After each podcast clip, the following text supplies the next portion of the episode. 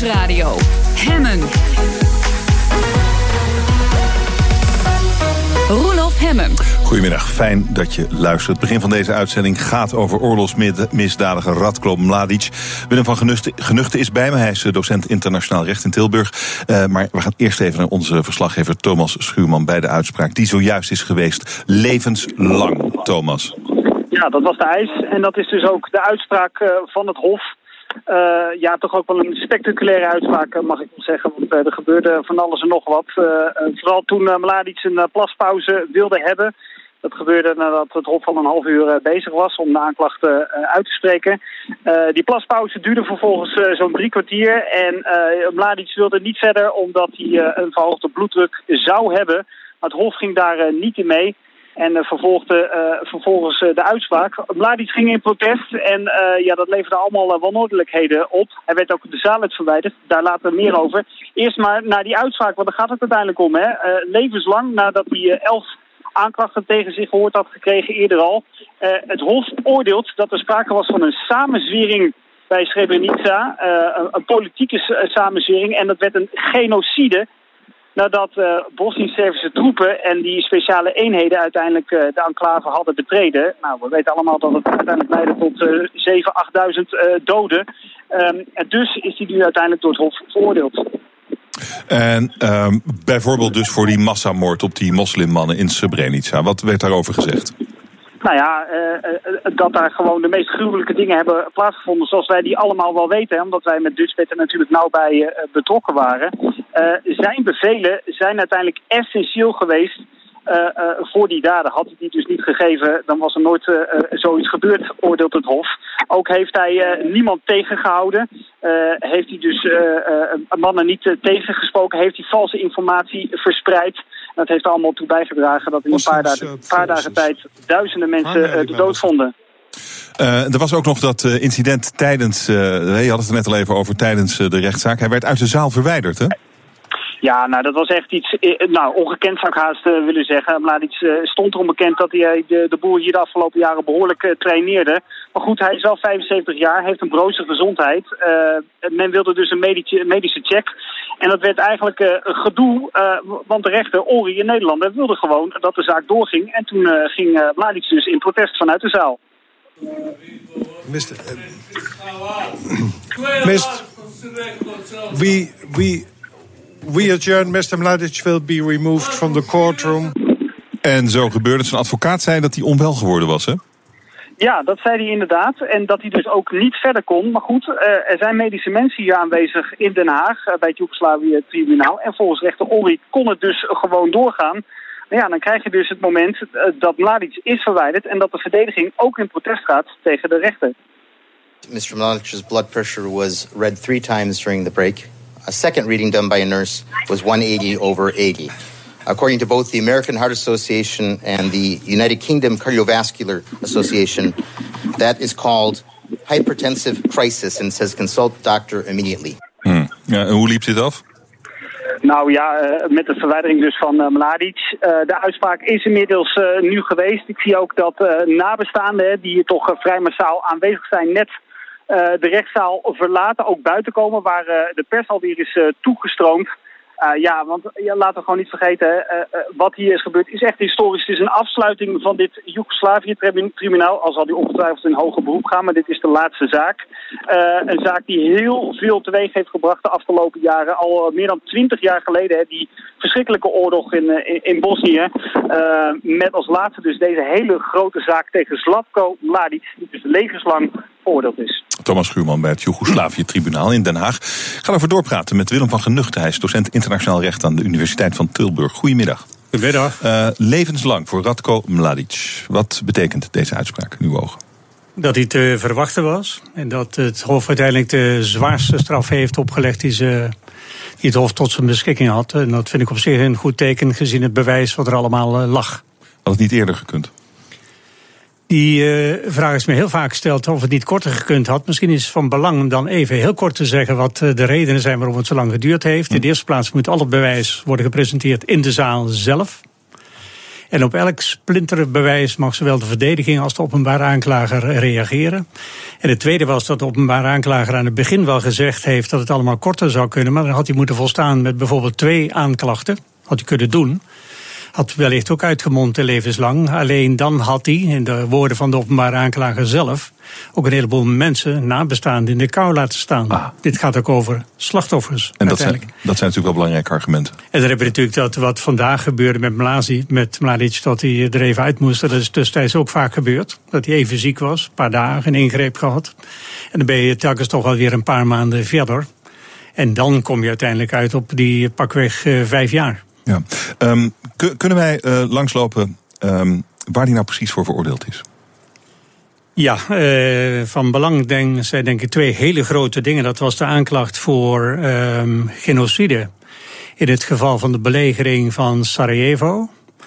Nou moet ik eerlijk gezegd zeggen, ik heb alleen de livestream gezien van het voorlezen van de uitspraak. Maar wat ik daaruit opmaak, dat is dat het Hof niet bewezen acht dat daar sprake is van genocide, omdat het niet de bedoeling was om de, alleen maar de moslims te vermoorden in Sarajevo, maar eigenlijk de hele burgerbevolking daar. En dan kwalificeert dat niet als genocide. Maar als wat? En bij misdrijven tegen de menselijkheid oh. en oorlogsmisdrijven. Uh -huh. En overigens in een soort bijzin kan ik wel zeggen dat vaak gedacht wordt dat genocide erger is dan misdrijven tegen de menselijkheid. Maar dat is eigenlijk niet zo. Je kunt bij wijze van spreken genocide plegen met maar twee doden. En misdrijven tegen de menselijkheid plegen met duizenden doden. Dus het, is eigenlijk een beetje juridische haakloverij.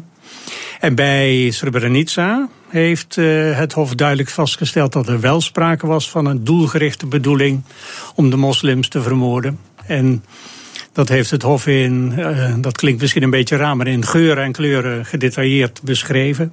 En daaruit volgt eigenlijk logisch dat daar sprake is van, ja, dus de intent, de nadrukkelijke bedoeling, die onder alles lag, om de moslimmannen en jongens natuurlijk in en rond Srebrenica uit te moorden. En da, da, maar er waren nog meer aanklachten. Ja. En uh, wat waren daarvan de belangrijkste? Daar is interessant dat ik ook maar weer alleen de samenvatting gezien heb. En de uitspraak bij Karadzic die was zo'n 2500 pagina's. En ik denk dat we er nu 10, 15 gehoord hebben. Ah, oké. Okay. Dus wat de rechter gedaan heeft, is er uitlichten dat het ging om moorden, het ging om uitroeiingen, het ging om verkrachtingen, het ging om nog een aantal zaken. En hij heeft eigenlijk in soort één adem een aantal dorpen en steden genoemd waar dit soort dingen uh, zouden zijn gepleegd. En dan daar vrij snel wat etiket opgeplakt.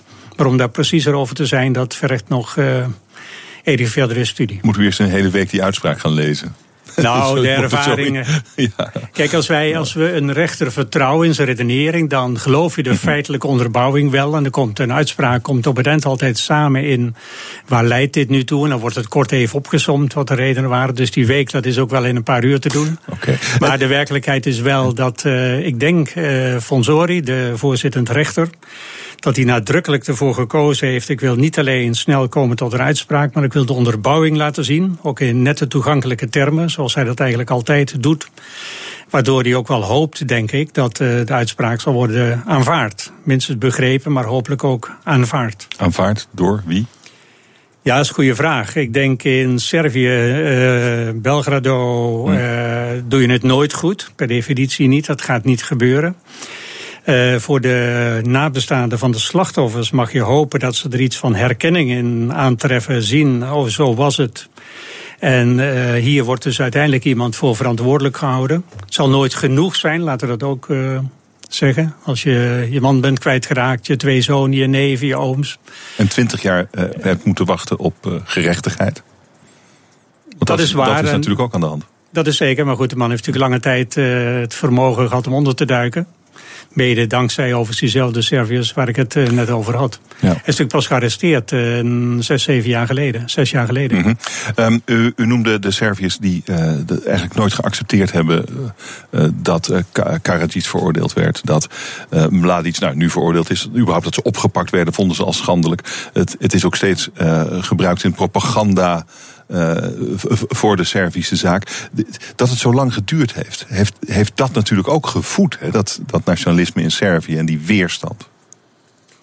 Ja, aan de ene kant wel. Maar ik denk eigenlijk dat hier uiteindelijk de tijd er niet verschrikkelijk toe doet. Of dit nou twee jaar geleden uh, het vonnis zou zijn geweest of over vijf jaar. Dat als het gaat om hoe men daar die historie beleeft van de Joegoslavische oorlog, dat het uiteindelijk nooit goed is wat er ook gebeurt. Hm. Uiteindelijk ben ik dan, dat zegt het uh, juristenhart in mijn borst, dan ben ik toch wel voor de zorgvuldigheid, de precisie om althans helder te maken dat je daar niet als rechter op kunt worden afgerekend. Dat men binnendoor geredeneerd heeft, kort door de bocht uh, komen tot een uitspraak die bij voorbaat vaststond.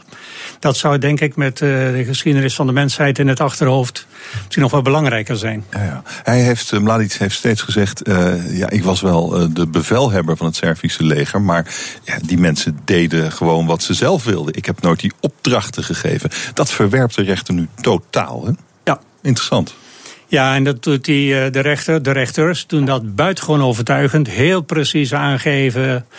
Uh, meneer Mladic was op alle fronten erbij betrokken. U heeft opdrachten gegeven. Die hebben we ook allemaal gedocumenteerd. Op papier, in de radio, via de radio, op tv en wat dan ook. In die zin was het natuurlijk ook wel een relatief gemakkelijke verdacht. Omdat hij enorm zichtbaar was. Um, en ook nooit onder stoel of banken gestoken heeft dat hij de baas was. Daar had de man ook het ego naar. En dat speelt hem nu natuurlijk part, omdat er op alle fronten dat bewijsmateriaal eigenlijk voor het oprapen lag. Hm. En dan nog blijf ik het van belang vinden dat dat helder is doorgelicht, goed is doorgenomen. Meneer Mladic, u was daar en daar, u heeft dat en dat gezegd om ja, eigenlijk op een bijna niet te ontkennen manier duidelijk te maken dat deze man hieraan schuldig is. Er is nu geen twijfel meer. Hij heeft een eh, straf van levenslang opgelegd gekregen. Um, dat is ook echt levenslang. Lang. Ja. Uh, waar gaat hij die uitzitten? Nog de vraag, want uh, zoals uw verslaggever ook al zei, er komt vast en zeker hoger ja. beroep. Ja. Is uitgesloten dat dat niet komt, zou ik bijna denken. Dus dan blijft hij in Scheveningen zitten, hoewel het. Ja. ja dus voor de duur van dat hoger beroep blijft het tribunaal dan bestaan. Ja, zoals u weet, denk ik, er is, eh, dit tribunaal houdt dus officieel op nu met deze zaak. Dus nu zijn alle zaken, de eerste aanleg, die zijn klaar. Maar er is er een zogenaamd residual mechanism gecreëerd, een residumechanisme. En dat moet alle de hoge beroepen die nu nog lopen doen. Dat zijn er twee zaken, zeven, acht mensen totaal. Daar komt dan Mladic bij. En dat kan een jaar duren, kan vijf jaar duren. Maar zolang als dat duurt, blijft dat residu mechanisme ook hier in Den Haag uh, actief. En Mladic blijft gedurende die tijd ook vastzitten, net als de afgelopen zes, zeven jaar, toch? Ja, met ja. één voorbehoud natuurlijk. Namelijk? Dat hij het overleeft. Dat hij het overleeft als hij echt zo ongezond is als we zijn advocaat eerder hoorden zeggen deze uitzending. Ja, er, er kan nog... altijd iets gebeuren natuurlijk, waardoor hij het alsnog niet overleeft. Uh, dat is waar, hij heeft gespeeld met zijn gezondheid. Uh, er is natuurlijk wel degelijk wat aan de hand. Uh, en of dat dan hem uiteindelijk in die periode van dat beroep, en dat gaat ook weer een aantal jaren duren. Of hem dat uh, in een houten kist uh, brengt, wie zal het zeggen? Ja. Zijn we nu klaar met alle oorlogsmisdadigers uit de Balkan? Of lopen er nog meer rond? Er lopen er nog een heleboel rond. Mm -hmm. Alleen de internationale berechting die zit er nu op. Uh, dus het Joegoslavië-tribunaal is klaar, minus de hoge beroepszaken waar ik het net over had. En de verwachting is dat er tot de lengte van jaren, zeker nog wel enkele generaties, mensen zullen opduiken die zich schuldig hebben gemaakt, of beweerdelijk schuldig hebben gemaakt aan misdrijven. Maar dan is dat een kwestie van nationaal strafrecht. Dus als wij die mensen hier in Nederland uh, zouden arresteren, dan is het een taak voor onze rechter meestal de strafkamer van de rechtbank in Den Haag. Wij kunnen ook meegaan in uitleveringsverzoeken. Als we denken dat dat een net proces oplevert in Bosnië of in Servië, dan kunnen we uitleveren. Maar ook Duitsland doet dit, Frankrijk doet het. En zo zijn er voortdurend nog zaken nu gaande en ook nog wel te verwachten. En er wordt dus nog steeds op die mensen gejaagd? Uh, er wordt op ze gejaagd en tegelijkertijd verraden ze zichzelf af en toe na een flinke tijd. Dan dachten ze weer met iets nieuws begonnen te zijn. Uh, ergens. En op enig moment worden ze herkend en dan wordt er onderzoek ingesteld. En dan is er het begin van bewijs en dan wordt er verder onderzoek uh, gedaan. En dat leidt met enige regelmaat ook tot vervolging in de landen van, in beginsel, de Raad van Europa. Nou, dat is toch wel gerechtigheid, of niet? Ja. ja. Ja, dank u wel voor dit gesprek. Willem van Genuchten, docent internationaal recht aan de Universiteit van Tilburg. Dank u wel. Tot uw dienst. Airbnb in Amsterdam gaat aan zijn eigen succes ten onder. Vindt in elk geval de Partij van de Arbeid in de hoofdstad. Zometeen meer. BNR Nieuwsradio. Trending. Vandaag is Airbnb in Amsterdam. De Partij van de Arbeid in Amsterdam wil de verhuur van volledige woningen via Airbnb aan toeristen verbieden. Staat in het verkiezingsprogramma dat net verschenen is. Ik ga erover praten met Marjolein Moorman, fractievoorzitter van de Partij van de Arbeid in Amsterdam. Goedemiddag. Goedemiddag. Waarom moet dit verboden worden? Nou, we zien dat uh, het verhuur aan toeristen enorm toeneemt in de afgelopen jaren. Uh, het aantal woningen wat hier aan toeristen wordt verhuurd is het hoogste per bewoner van heel Europa. En zelfs wereldwijd zijn we echt enorm hoog. En je ziet dat ook de overlast die daarvan komt, uh, de toename van uh, de reiniging, maar ook de handhavingskosten. En eigenlijk ook uh, het verdwijnen van, van sociale cohesie in portieken en in hele straten, waar je eigenlijk veel meer toeristen ziet dan dat je nog fietsbellen hoort rinkelen. Ja, dat heeft gewoon een enorme impact op de stad. En we zeggen nu, ja, het is gewoon niet te handhaven, het is niet hanteerbaar te maken. Uh, huizen worden verdienmodellen en daar moeten we mee stoppen om Amsterdam een fijne stad te houden voor iedereen. En niet alleen maar van het grote geld. Hm, en um, u zegt volledige woningen mogen niet meer via Airbnb uh, verhuurd worden, maar kamers nog wel. Ja, dus het bed and breakfast. Dus sommige mensen hebben aan huis een bed and breakfast. Dat kan nog wel, want dat is uh, he, dan ben je zelf ook thuis. Dan kan je ook zorgen dat er niet uh, zes dronken Engelse toeristen in een klein kamertje de hele nacht uh, heel veel lawaai maken. Dat blijft gewoon mogelijk. Dat willen we wel vergunnen, zodat je ook het aantal bed and breakfast in Amsterdam kan beperken en dat dat ook niet uit de hand loopt. Maar het verhuren van je hele huis en wat je heel veel ziet in Amsterdam is dat mensen zelf weggaan om een hele huis te huren. Niet omdat ze op vakantie gaan, maar om daar gewoon heel veel geld aan te verdienen. Dat willen we inderdaad uh, nu stoppen. Hm. Bent u niet bang dat, dat, uh, dat, dat dit zo'n verbod, als het er zou komen, straks slecht is voor het imago van Amsterdam bij toeristen uit het buitenland? Nee, ik denk het niet. Want ik denk dat het mooie van Amsterdam is juist dat het een echte woonstad is. Dat iedereen zich hier thuis voelt. Dat je ook merkt als dat je door de stad loopt dat iedereen hier gewoon woont. En een stad waar alleen nog maar toeristen zijn en waar alleen nog maar toeristenwinkels zijn, uh, Nutella en wafelwinkels die we natuurlijk enorm zien oprukken, dat is voor niemand meer leuk. Hè? Dat is niet leuk voor de bewoners, maar het is uiteindelijk ook niet leuk voor de toeristen. Dus ik denk juist dat imago van Amsterdam als een hele sociale, bruisende, maar ook een vrije stad waar iedereen gewoon op elke plek nog kan wonen. Dat is uniek. Dat is het unieke karakter van Amsterdam. En dat maakt juist ook onze stad zo aantrekkelijk. Maar dat moeten we dus ook koesteren en beschermen. Hartelijk dank voor dit gesprek. Marjolein Moorman, fractievoorzitter van de Partij van de Arbeid in Amsterdam. Hemmen, wereldmachten. Peter Wijnga is hier van het eh, Haags Instituut voor Strategische Studies. Praat ons om de week bij over uh, landen en hun conflicten. Vandaag gaat het over dit land.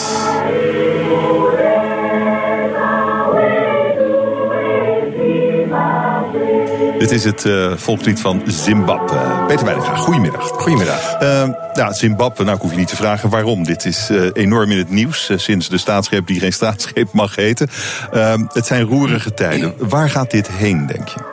Ja, dat is zeer de vraag. Um, um, met het aftreden van Mugabe is een, einde gekomen aan een periode van um, onderdrukking van oppositie, van uh, minderheden in het land. Uh, gewelddadig, van economische neergang um, en, en, nog meer ellende. Corruptie mogelijk ook. Het, het, is de hoop, zeg maar, dat met een nieuwe president dat voorbij zal zijn.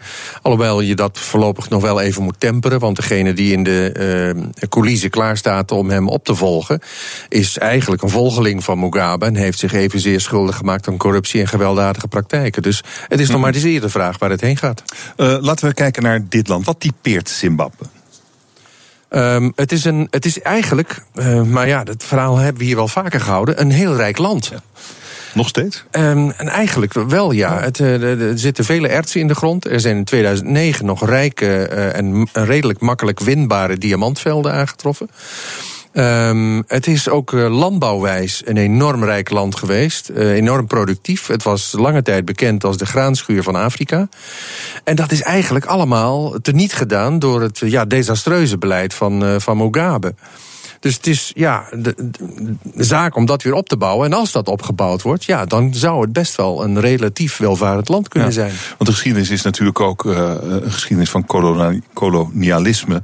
Uh, het heette eerst Rhodesië. Het ja. waren de Britten die daar de baas waren. Ja. ja. Uh, en Mugabe heeft het was een van de vrijheidsstrijders. Ja, samen met Joshua Nkomo.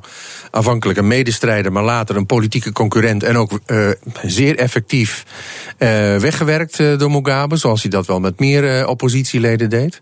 Um, want Mugabe was weliswaar democratisch gekozen. Maar eigenlijk geen zins van plan om de macht te delen. Het was een, een typische autocraat. En hij probeerde ook door allerlei grondwetswijzigingen, intimidatie van tegenstanders, weer elke keer herkozen te worden. En, en zo lang mogelijk aan de macht te blijven. En eigenlijk was hij ook nu nog niet van plan om weg te gaan. Hmm.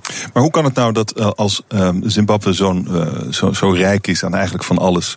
Um, dan zou het toch relatief eenvoudig moeten zijn om dat te gaan, uh, gaan exploiteren. Om het weer een voortvarend, welvarend land van te maken. Ja, in principe zou dat wel zo moeten zijn. Het was wel zo dat juist door de koloniale tijd, met name de landbouw, uh, bijna geheel in handen was van blanke uh, kolonisten en later bewoners.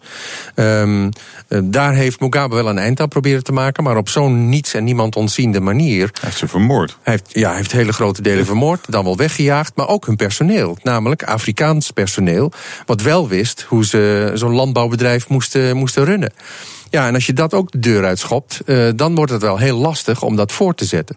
Dus ik denk dat een van de belangrijke uitdagingen zal zijn voldoende mensen te vinden die dat weer kunnen opstarten, die over de kennis en ervaring beschikken om dat te doen. Ja, maar die zijn er dus eigenlijk niet meer. Want het is een ongelooflijk arm land. Mensen leven geloof ik van een, van een paar dollar per dag. Onderwijs ingestort. Er is eigenlijk niks meer.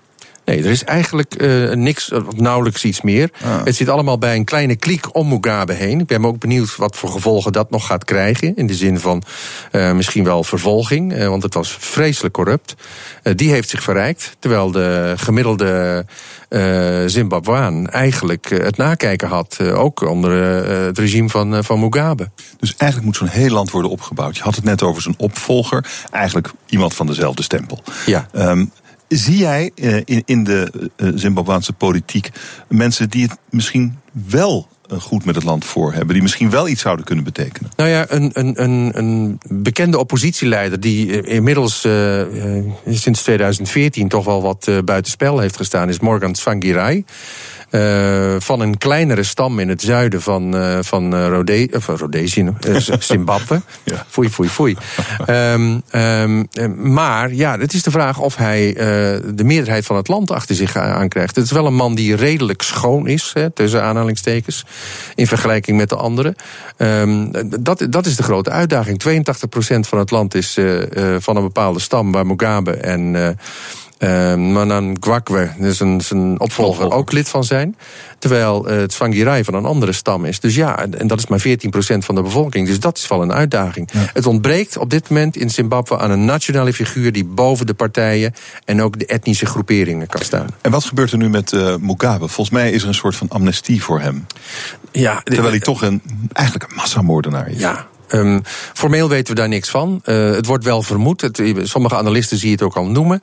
Um, het, het, is natuurlijk een uitermate geslepen onderhandelaar geweest. En ik, ik, denk dat hij inderdaad ook over dit aftreden heeft onderhandeld. En eisen heeft gesteld, voorwaarden heeft gesteld. Ja, het is nog onduidelijk wat die zijn. Uh, maar ik kan me zo voorstellen dat hij ergens in een of ander Afrikaans land uh, welkom is. met al zijn rijkdom en daar de rest van zijn levensdagen in luxe kan slijten. maar ja, er zit ook nog een hele kliek om hem heen. En daar moet je waarschijnlijk ook nog iets mee doen. Dus dat wordt nog wel een uitdaging. Peter Weininga, dankjewel. Tot over twee weken. BNR Nieuwsradio. Hemmen. Hemmen. 35 uur werd het niet. De VVD maakte na amper 6,5 uur een einde aan de filibuster van 50PLUS en de PVV. Bespreek het in... De kantine. Met vandaag Chris Klomp, journalist bij het eh, AD... en Ria Katz, politiek verslaggever bij het Financiële Dagblad. Goedemiddag, welkom. Goedemiddag. Uh, de klad kwam erin rond middernacht bij die filibuster in de Tweede Kamer... toen de Kamervoorzitter 50PLUS'er Van Rooyen een pauze oplegde. Klonk zo. Meneer Van Rooyen, ik wil toch even kijken hoe het met u gaat. Ja, het gaat goed. U doet... Alleen de stem. Ja, dat hoor ik. En u zegt wel het gaat goed, maar u heeft, nou ja, nog twaalf uur te gaan. Zij maakte zich een beetje zorgen over Van Rooyen, die heel fit is, maar wel 75 jaar. Ria, was jij erbij? Ik was er niet bij. Ik was op het afscheidsfeestje van Kamp, Henk Kamp, de oh. oud-minister van Economische Zaken. Oh, dat was vast leuker dan die filibuster. Nou, er waren wel heel wat VVD-Kamerleden die het op hun telefoon zaten te kijken... van worden we teruggeroepen naar de Kamer om hier een eind aan te maken. En toen was het nog redelijk vroeg, dus... Uh, ja, toch een beetje sneu voor kamp. ja. Maar, uh, ja, maar ik heb natuurlijk weg. wel gevolgd. want ze moesten weg. zouden ze weg worden maar ja, geroepen. maar toen, was, toen, dat gebeurde, was het al afgelopen. Was toch? het al afgelopen, ja, want, zeker. Want hoe hebben ze het nou uiteindelijk beëindigd? Uh, ze hebben het gewoon beëindigd uh, door, uh, door, door, door gewoon te zeggen van joh, dit is dit is dit, dit, dit, dit moet ophouden, dit wordt veel te veel. je mag sowieso niet lang praten, urenlang praten over iets anders. Je mag alleen over dat onderwerp praten, twintig uur praten over de wet Hille, waar het over ging. Dat is natuurlijk al ongelooflijk lang. En na 4,5 uur begon het een beetje. ik moet zeggen, hij deed het goed. Ik heb later nog een samenvatting gezien. Ik dacht, toch respectabel. Roy, ja. Man van 75, die ook tot het onderwerp weten, weten komen. Hij hield het ook boeiend. In tegenstelling tot zijn PVV-collega die na twee uur wel. Uh, wel, uh, wel tot de orde werd geroepen van nou, nu kan het echt niet meer. Maar, uh -uh. maar ja. Maar als ze nou, als ze nou on topic hadden kunnen blijven, had, was het dan gelukt? Lijkt me heel sterk. Nee, maar waarom hebben ze dit überhaupt gedaan? Dat kon je toch gisteren al weten dat het flauwekul kon worden? Waarom ze het gedaan hebben? Nou ja, de Kamer had ook bij, bij, voor, bij voorbaat kunnen zeggen: ja, dit gaan we niet doen. Ja, dat kan. Maar dan krijg je natuurlijk het verhaal van: zie je wel, ze traineren ons en de oppositie ja, wordt monddood gemaakt. Maakt het zeker. Ja, maar goed, um, je, nu, nu doe je hetzelfde. Alleen je laat zien: goh, we laten je toch aan het woord. We laten je toch aan het woord. We maken je niet uh, monddood. We staan ook met uh, heel wat mensen nog steeds tot uh, heel laat, heel vroeg eigenlijk in de Kamer. Mm. En ja, dan kun je toch laten zien: van zie je. Okay. We luisteren naar jullie. Oké, okay, Chris? Vond jij ervan? Van genoten? We vragen ons in Nederland steeds af waarom de politiek vertrouwen verliest. Dit is de reden waarom uh, de politiek vertrouwen verliest. Wat een poppenkast. En oh. ik vind dat de journalistiek mag het zichzelf ook aanrekenen. Waarom? Wat heeft de journalistiek hiermee te maken? Oneindige voorbeschouwingen, live blogs, uh, alles in beeld. Ja. Ik, ik, ik, zie oh. nog bij de NOS die klok die dan steeds verschuift. Dan denk ik, geef gewoon aan wat, het, wat er staat te gebeuren. Geef de volgende dag aan wat het resultaat is. Werk niet mee aan dit circus. Echt waar. Okay, maar het is in andere landen nog veel ergere circus natuurlijk. Daar mag je gewoon telefoonboeken gaan voorlezen twintig uh, uur lang. Hier, hier heeft uh, Ariep ook echt een paar keer gezegd... nee, we houden het ons bij het onderwerp. Uh, gewoon even terug naar de feiten. Mm -hmm. Dus in die zin laat je wel zien van... goh, we, het is hier niet helemaal een poppenkast. Als Mensen moeten, kunnen niet de Jip en Janneke gaan lopen ja, ja. Ja, citeren. Dus uh, ja. Mm. Um, nou, uh, oké. Okay. En hoe was het bij Henk Kamp eigenlijk? Ja, wel. Dat is een mooi afscheid. ja, nou ja, ik moet eerlijk zeggen, ik miste Rutte. Oeh. Ik dacht, hé, hey, waar is hij? Misschien was hij verhinderd of iets dergelijks. Maar ja, je zou toch verwachten dat als een man die vier keer van verschillende ministeries minister is geweest, die uh, ja, decennia lang in Den Haag heeft rondgelopen, dat uh, Rutte daar zou zijn. Maar uh, ja. Oké, okay, je gaat toch uitvogelen waarom dat zo was? Scheuring binnen de partij. Denk ik. Scheuring binnen de partij. Hier is iets los. Denk ik, denk ik. Uh, we, hadden, we, hadden, ook nog uh, ander nieuws uh, in Amsterdam. Je hoorde het net René Postma ook vertellen. Um, uh, het, het stokpaardje van de Partij van de Arbeid bij de volgende gemeenteraadsverkiezingen in maart wordt het verbieden van Airbnb voor zover het over hele huizen gaat, Chris. Is dat een uh, goed idee voor de hoofdstad? Nou, wat mij uh, allereerst opvalt is dat, dat Airbnb is eigenlijk al verboden. In 9 van de 10 gevallen mag het helemaal niet. Je moet toestemming hebben van de verhuurder of van de hypotheekverstrekker. Tenzij je het helemaal afbetaald hebt. Dus feitelijk zijn er genoeg middelen om dit te, te, te, verbieden. En de rechter verbiedt het ook heel vaak. Hè. Als mensen worden betrapt, nou, je hebt echt geen excuus. Dus ik vind het een beetje een achterhoedegevecht. Uh, het is de gemeente Amsterdam zelf die het mogelijk heeft gemaakt... door allerlei regels op te stellen, door zelfs reclame ervoor te maken, meen ik mij te herinneren. Terwijl het feitelijk in 9 van de 10 gevallen, of misschien in 99 van de 100 gevallen... gewoon feitelijk al helemaal niet mag. Hmm. Dat mis ik een beetje in de discussie. Ja, ja, maar dan zou de hypotheekverstrekker of zo zou er iets aan moeten doen. Waarom doet hij er dan niks aan? Nou ja, feitelijk omdat mensen gewoon geen uh, toestemming vragen aan hun, nee. aan hun hypotheekverstrekker. Maar de meeste banken, dus, dus één of twee, die zeggen van nou, uh, zoek het zelf maar uit. Maar de meeste banken zeggen, jullie moeten toestemming vragen. Hè, want jullie doen het feitelijk met ons, ons huis. Jullie moeten toestemming vragen. En als je toestemming vraagt, gaan wij er niet mee akkoord. En verder dus gaan er helemaal niet mee akkoord. Nee, maar ik, ik hoorde laatst ook dat mensen soms een hypotheek krijgen op basis van verwachte inkomsten uit Airbnb. Dat zou kunnen. Dat, dat, dat, lijkt mij vrij dubieuze hypotheekverstrekkers dan. Maar, nou, ja, dat schijnt ING te zijn hoor, die rekening serieus? houdt met, ja, ja. dat, uh, met de stijgende huizenprijs in Amsterdam en Airbnb-verhuur, dat, er, dat mensen toch een uh, hogere opslag op de hypotheek kunnen krijgen. Was uh, laatst snel van je nieuws. Dus uh, ja, en heel veel mensen vragen überhaupt natuurlijk geen toestemming aan hun hypotheekverstrekker. Ja. En dat zal banken eigenlijk ook worst wezen volgens mij, zolang ze maar uh, hun uh, hypotheekbedragen elke maand binnenkrijgen. Klopt, maar dan ligt daar het probleem. Hè? Dan moet de Partij van de Arbeid niet zeggen: ik wil dit, ik wil dat. Mm. Ja, dan, dan, is het blijkbaar, dan maakt de markt het blijkbaar mogelijk. En ik weet wel dat de politiek daar iets aan kan doen. Maar Ja, maar, nu heb je als, als, als eh, eh, burger met overlast, omdat je buren elk weekend eh, hun, hun huis verhuren, met, kun je alleen maar naar de rechter stappen. Dat is voor veel mensen een brug te ver, die, die is te- duur, geen toegang toe. En ze zitten wel elk weekend. Ik heb zelf namelijk heel lang naast een Airbnb-pand Ah. meerdere gewoond. Ik heb er geen potem op te staan. Want als je aanbelt van, goh, kan het wat rustiger om vijf uur s'nachts, dan denken die mensen, ja, whatever, ik zie je volgend weekend toch niet meer. Sterker nog, ik zie je morgen al nooit meer. Wat, wat Hmm. heb ik met jou te maken? Het- kan ook bij gewone buren trouwens. Maar ik snap je punt. eh. Nee, want bij, ja, kan ook bij gewone buren, maar niet voortdurend. Uh-uh. Want ja, je wil, je wil toch met je, meestal met je buren een beetje een normale goedemorgen, goedemiddag relatie opbouwen. En niet dat je vechten door, de, door het gemeenschappelijke portiek gaat. Tenminste, dat is in mijn Ja, insteek. dus- maar jij vindt, jij vindt dat eigenlijk een heel goed plan, Ria. Nou, ik vind het. Ik vraag me af of het gaat lukken. Maar ik snap wel dat eh, het is een groot probleem in Amsterdam, eh, die Airbnb-verhuur. De stad wordt echt wel overspoeld. En, en de huizen zijn eh, niet meer te bereiken voor gewone gezinnen.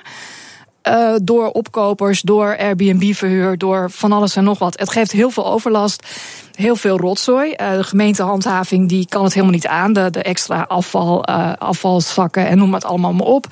Rotzooi op straat. Dus, dus dat je daarnaar Hmm. gaat kijken, ja, dat snap ik heel goed als politieke partij. Hm. In Berlijn is het ook al zo. Ja. Verbod op eh, volledige verhuur van volledige woningen. Ja. Nou ja, goed. Kijk, als wij met z'n allen vinden dat het te veel overlast geeft, dan, dan, dan kan, de, kan en moet de politiek daar wat aan doen. Ik vraag me wel af of het, want ze, ze, ze zetten hun pijlen nu op Airbnb. En je hebt natuurlijk ook heel veel andere platforms. Dus je, volgens mij kunnen mensen dan gewoon denken: nou ja, dan gaan we niet meer naar Airbnb. Dan gaan we wel naar Booking of naar TripAdvisor of naar al die andere platforms die er zijn. Dus het is alleen al heel moeilijk handhaafbaar. Dus Ja. Nou, er zitten heel wat haken en ogen aan het plan volgens mij. Maar Nou, en de Partij van de Arbeid moet het eerst nog even voor het zeggen krijgen ook. en ja, dat. eh, Niet dat onbelangrijk gegeven. Wel een dingetje. Maar ik denk dat er wel draagvlak is bij andere partijen om hier naar te kijken. Hm. Hoe hebben jullie eh, vanmorgen gekeken naar eh, de uitspraak van eh, in de zaak tegen Radko Mladic? Ik moet eigenlijk zeggen dat ik heel trouw het liveblog van AD.nl heb gevolgd. Maar dat is niet zo. Ik heb eh, NOS.nl eh, gekeken. De... Dat had je niet hoeven zeggen. Maar... Nee, maar ja, ja. Eerlijk.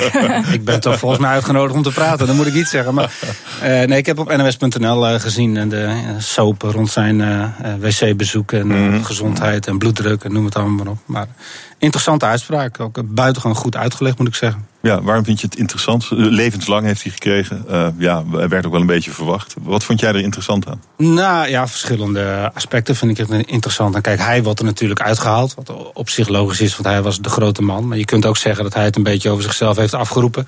Door zich ook te profileren als de grote man altijd. Hè. Dat is een, het bewijsmateriaal is zo overweldigend. Omdat hij zelf altijd heeft gezegd: ik ben de baas, ik ben verantwoordelijk, ik wil dit, ik wil dat. Dat vind ik interessant, dat zijn ego in die tijd eh, hem nu natuurlijk enorm dwars zit. Juridisch dan, hè, los van het feit of die. eh, nou, enzovoort. Dus dat, dat vind ik heel boeiend. Je ziet die man gewoon in, in verval door zijn eigen ego. Dat, dat is natuurlijk prachtig. Wat ook boeiend is, is dat nu natuurlijk besloten is om ja, toch in een. Het is niet zo heel erg lang geleden nog. En, en genocide op moslims. Ik vind het wel een eh, actueel onderwerp, zullen we maar zeggen. Er zijn nog wel een aantal dingen die ik erbij op wil merken. Want het viel mij bijvoorbeeld op. Kijk, het is altijd een beetje lastig. Sarajevo bijvoorbeeld, als je dat nou eens vergelijkt met Dresden. Een beetje een lastige vergelijking, maar. eh, genocide, volkerenmoord. We zijn wel genegen om oorlogsmisdaden toe te schrijven aan de bad guys en niet aan de good guys. Dat vind ik een interessant gegeven. Even los van dit. Nou ja, eh, eh, als je kijkt naar Dresden, waar de geallieerden natuurlijk met vuurbommen tussen de 35.000 en 60.000 burgers eh, uit het leven hebben gejaagd. Nou, was dat geen oorlogsmisdaad? Was dat geen genocide? We zijn Kijk naar Vietnam, Ja, ja. kijk naar ja. de atoombommen van Amerika. Daar doen we dus blijkbaar niets aan. Ik weet, het is een tijdje geleden. En hier kijken we naar als dit is de bad guy. Gaan we vervolgen. Terecht, vind ik. Maar we staan er wel een beetje dubbel in. Dat vind ik het boeiende aan. Hmm. Je kijkt me heel moeilijk aan. Nou, nu. ik, ik laat even bezinken wat je zegt. Ik zit, het is natuurlijk een andere. eh, dat zijn dingen waar we ons nu wel druk over maken. Hè? De collateral damage, de burgerslachtoffers bij oorlogshandelingen. Zeker, terecht. En dat was in, de, Ja. eh, in het geval van Dresden was het, speelde dat he- helemaal niet zo'n grote rol. Nee, Dus maar ik waarom eigenlijk dus af- niet? Ik zat me precies dat dus af te Ja. vragen. Waarom deden we dat toen eigenlijk? Ja, je hebt daar zeker een punt. Hoe heb jij ernaar gekeken eh, vanmorgen, Ria? Ehm, ik kijk vooral naar, want de uitslag of de, uitslag, de uitspraak was op zich wel te verwachten, maar ik ben echt heel benieuwd hoe er in Servië op wordt gereageerd. Ehm, ik was voor en, en, en ook in Bosnisch-Servië, eh, de Republika Srpska. Ik was daar vorig jaar op vakantie en ik ben echt geschrokken. eh, eh, van de manier waarop dit soort mannen nog steeds wordt geëerd daar. Je hebt daar, was daar net een school geopend, een basisschool, de Radovan Karadzic school. Dat je echt denkt, oké. Een andere grote ploer. Precies, standbeelden van dit soort mensen, ook van Gabriel Principe, de, de moordenaar die de, nou ja, die, die de moord op Frans Ferdinand heeft gedaan, waardoor de Eerste Wereldoorlog is uitgebroken. Er is daar nog steeds een ontzettende gevoel van uh, wij uh, zijn erbij ge, ge, gelapt. gelapt. inderdaad, door, door de internationale gemeenschap. We hebben gewoon een punt. Uh, en de, dat er weinig wordt gekeken naar, dat is ook zo. Uh, de, de, de moslims in Srebrenica, de mannen, die hebben ook uh, Serviërs natuurlijk daar, hebben daar ook plundertochten op uitgevoerd. Uit nood, want ze, hun eigen volk had natuurlijk ook niks te eten en werd ja, helemaal uh, geïsoleerd van, uh, door de Serviërs. Dus er zijn van beide kanten natuurlijk ernstige oorlogsmisdaden gepleegd. Maar los daarvan is het volgens mij super duidelijk dat deze man een verschrikkelijke man is die eigenlijk nooit meer los moet komen. En dat hij daar wordt geëerd. Ja, ik, ik maak me daar wel zorgen over. Volgens mij is de, is de Bosnische oorlog nog niet voorbij daar. En is het een kruidvat wat zomaar kan exploderen nog steeds. Had je wel een leuke vakantie? Ik had een hele leuke vakantie, maar het was ook wel af en toe dat ik dacht, wow. Zometeen leden van de ChristenUnie leggen een bommetje onder het regeerakkoord. Nu al. BNR Nieuwsradio. Hemmen. Je luistert naar de kantine. Ria Katz is hier, politiek verslaggever bij het Financiële Dagblad. En Chris Klomp, journalist bij het AD. Um, er is een probleempje bij eh, de ChristenUnie uh, over het regeerakkoord. En de ChristenUnie zit in de regering. Dit is wel een probleempje. Er is een grote groep leden van de ChristenUnie uh, die de partij oproept om het kinderpardon en de rechtsbijstand voor asielzoekers alsnog te verruimen. Dus nadat ze hun handtekeningen hebben gezet, moet er nu iets anders. Vinden die leden. Hoe erg is dit? Chris. Ik geef deze graag door aan mijn collega die hier oneindig veel meer verstand heeft. Hoe erg is dit?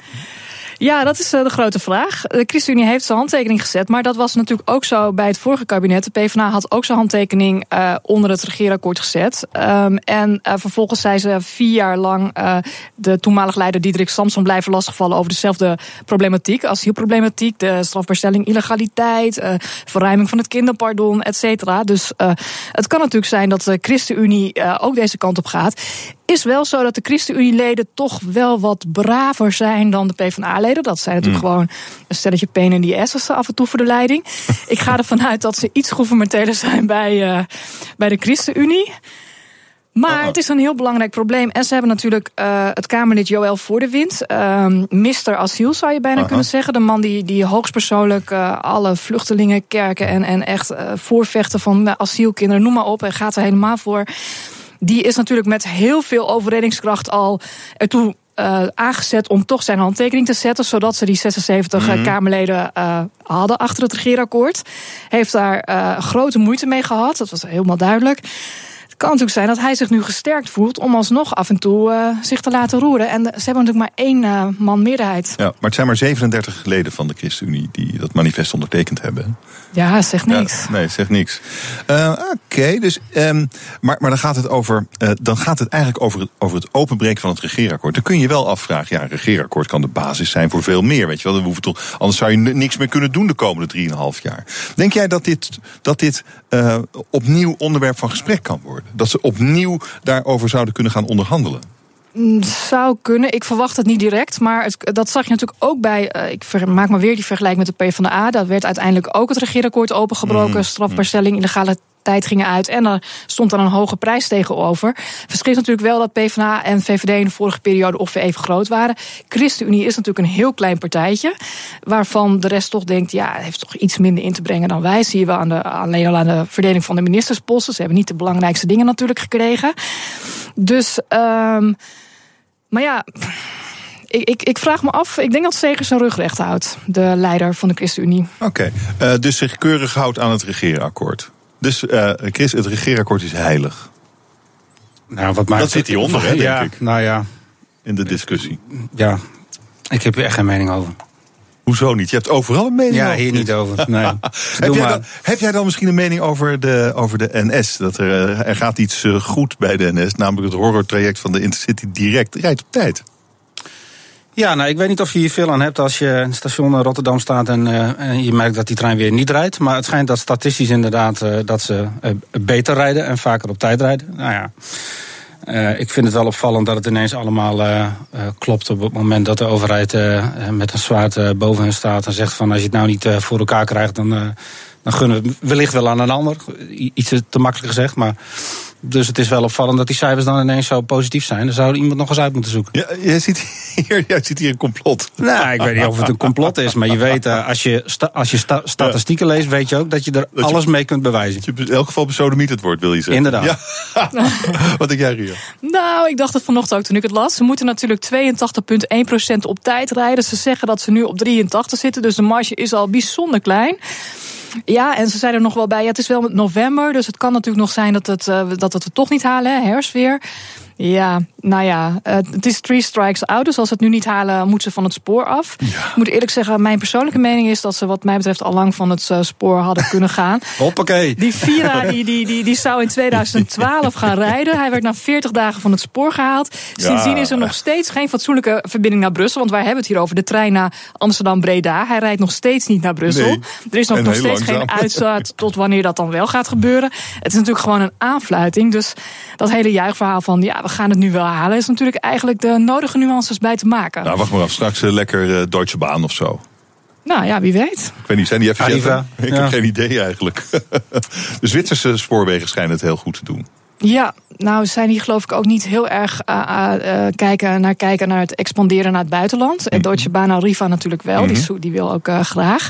Ja, en ik, ja, ik ben van mening dat als de NS het al zo lang laat liggen, dan moet je op een gegeven moment zeggen: ja, sorry, je hebt onze voorkeursbehandeling gehad. Uh, nu mag, uh, we gaan nu voor de reizigers. Ik ga de kantine sluiten. Fijn dat jullie er waren. Dank zeg ik tegen Chris Klomp van het AD en Ria Katz van het Financiële Dagblad. Dank jullie zeer. Hemmen Food. En hier is Jonneke de Zeeuw, foodblogger van het jaar... over de leukste lunchtenten van het land. De verborgen pareltjes waar je even lekker kunt gaan genieten van een heerlijke lunch. Mooncake.nl zoekt het uit. En dat is Jonneke. Jonneke, goedemiddag. Goedemiddag. Waar ben je geweest? Ik ben dit keer bij uh, Falafel Masters in Eindhoven geweest. En die naam is eigenlijk een klein beetje misleidend. De falafel is daar wel heel erg lekker. Maar ze hebben echt nog veel meer dan dat. Uh, de eigenaar die serveert namelijk Palestijnse specialiteiten. Dat ja, wordt er in die naam natuurlijk niet bij vermeld. En uh, hij haalt zijn ingrediënten ook uit het Midden-Oosten en Noord-Afrika. Daar gaat hij naartoe en dan haalt hij daar vandaan. Nou, laten we luisteren wat dat oplevert.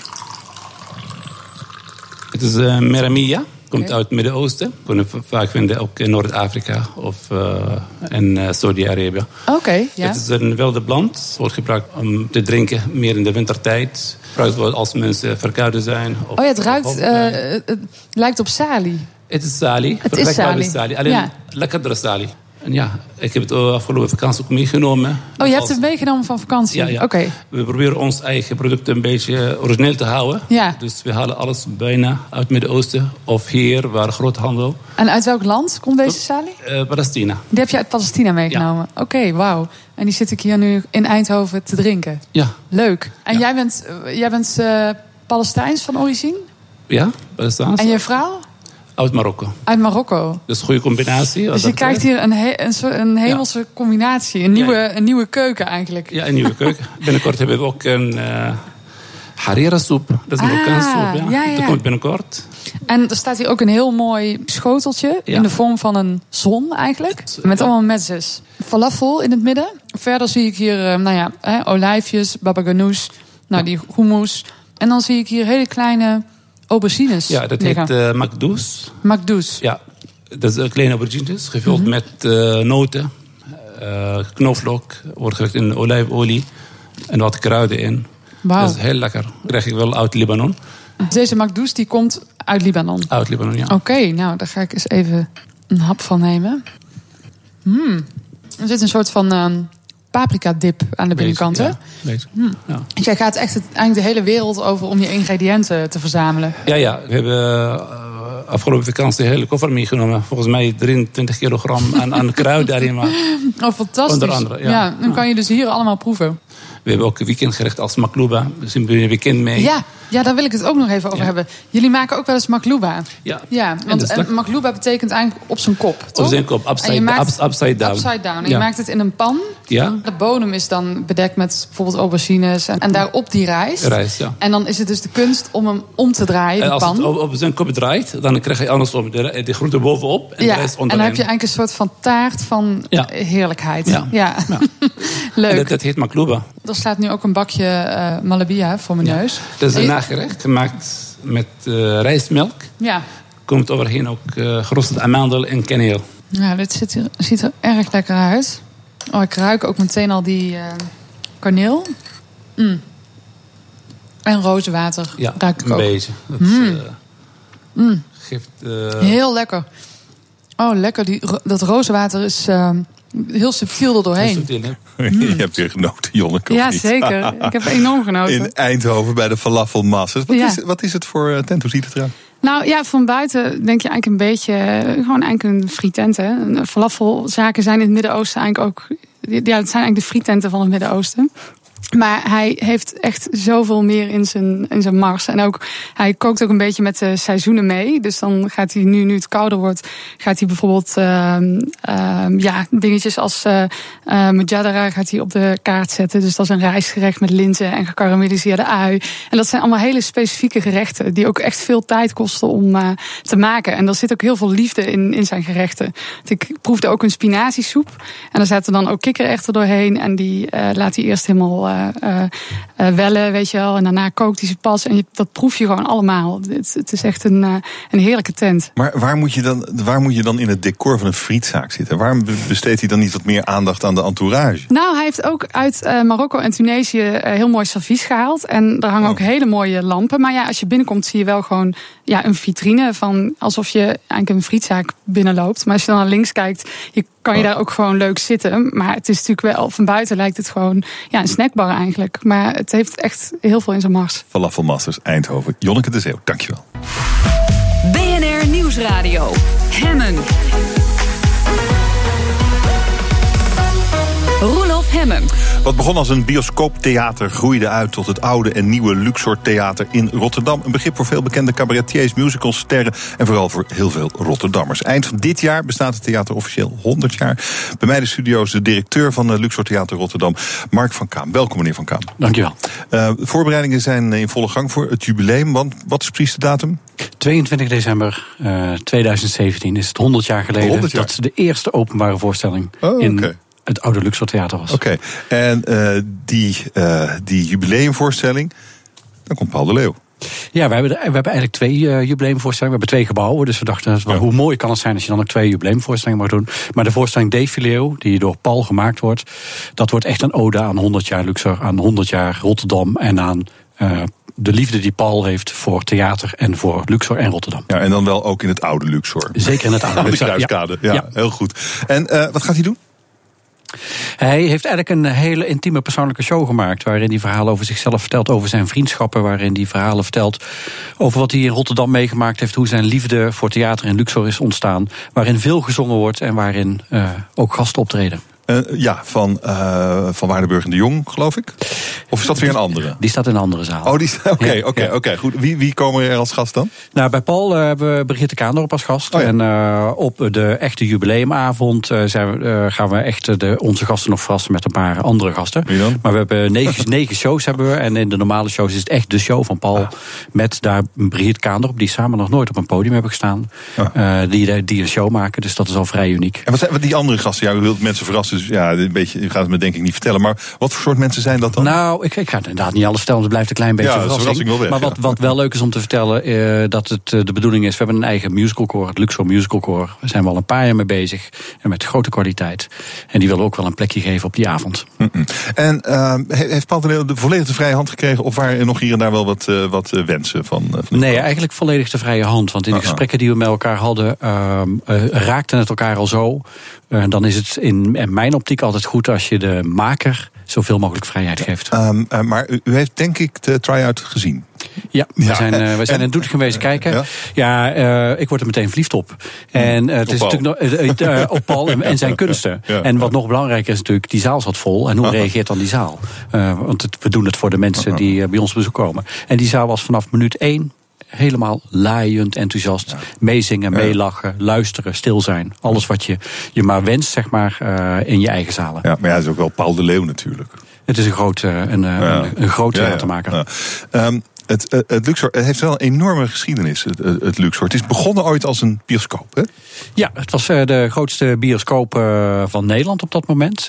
met 400.000 bezoekers in een jaar. Dat is echt onvoorstelbaar als je al praat over 100 jaar geleden. geleden. Ja, dat zijn aantallen die we op dit moment in beide theaters nog niet eens kunnen evenaren. Dus kun je zien wat de impact was op dat moment, in die periode, van het Luxor Theater als, als bioscoop. En wanneer werd het een theater, theater. Dat is eigenlijk langzaam aangegaan. Het is een bioscoop geweest waar ook vrij lang nog een live orkest onder, uh, onder gespeeld heeft. Dus niet alleen zeg maar, het geluid van, van de ja, geluidsbanden, maar echt een live orkest. dat speelde met de film mee dan? Dat speelde met de film mee, dus dat was al uniek. En uh, eigenlijk na, uh, na de oorlogsjaren, toen ook de Schouwburg zeg maar, in puin lag, omdat die hele stad zo goed als plat gebombardeerd was, heeft Luxor de rol overgenomen. En toen werd het naast uh, filmtheater werd het eigenlijk ook theater om, uh, om, om die rol van de Schouwburg over te nemen. Want het bleef staan, of gewoon midden in de stad, bleef dat theater, dat, bleef, dat is niet plat gebombardeerd. Nee, we hebben een hele kleine expositie over die 100 jaar. Ah. En dat is, we hebben een fantastische foto hangen waarin je uh, verbaast zeg maar, hoe plat gebombardeerd het centrum is en hoe daar nog het oude Luxor uit oprijst. Ja, dat, is, dat zegt bijna iets. Uh, ja, het zijn aan de ene kant uh, donkere jaren natuurlijk. Het zijn niet de jaren waar je mee geassocieerd wilde worden. Mm -hmm. Want ook net voor, uh, voor het bombardement was het in, in Duitse handen. Dat was een Duitse bioscoop. Ah. Er werd ook propaganda gevoerd.